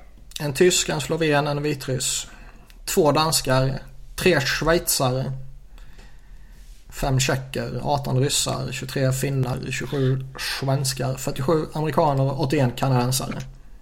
Sådär ja. Där man häpnas över alltså Tjeckien varje gång nu för tiden. Fem tjecker, i- eller nio tjecker i en, i en draft. Det är liksom... känns otroligt lågt alltså. Två i första rundan i alla fall. Ja. Mm. Med det så säger vi tack och hej för den här gången. Som vanligt kan ni köta hockey med oss via Twitter. Mig hittar ni på att Noren. Niklas hittar ni på att Niklas Wiberg. Niklas med C och enkel V. Och 2 och Robin- 15, inget mer. hittar ni på R underscore Fredriksson. Jag tror inte det va? Något måste vi kunna Så- ljuga ihop. Alltså såvida inte Robin vill läsa upp alla pixen från alla rundorna. Det lär ju ta, det lär ju ta en tag. Kör. Så jag, jag tror att detta är tack och hej för den här gången. Tills nästa gång, ha det gött. Hej!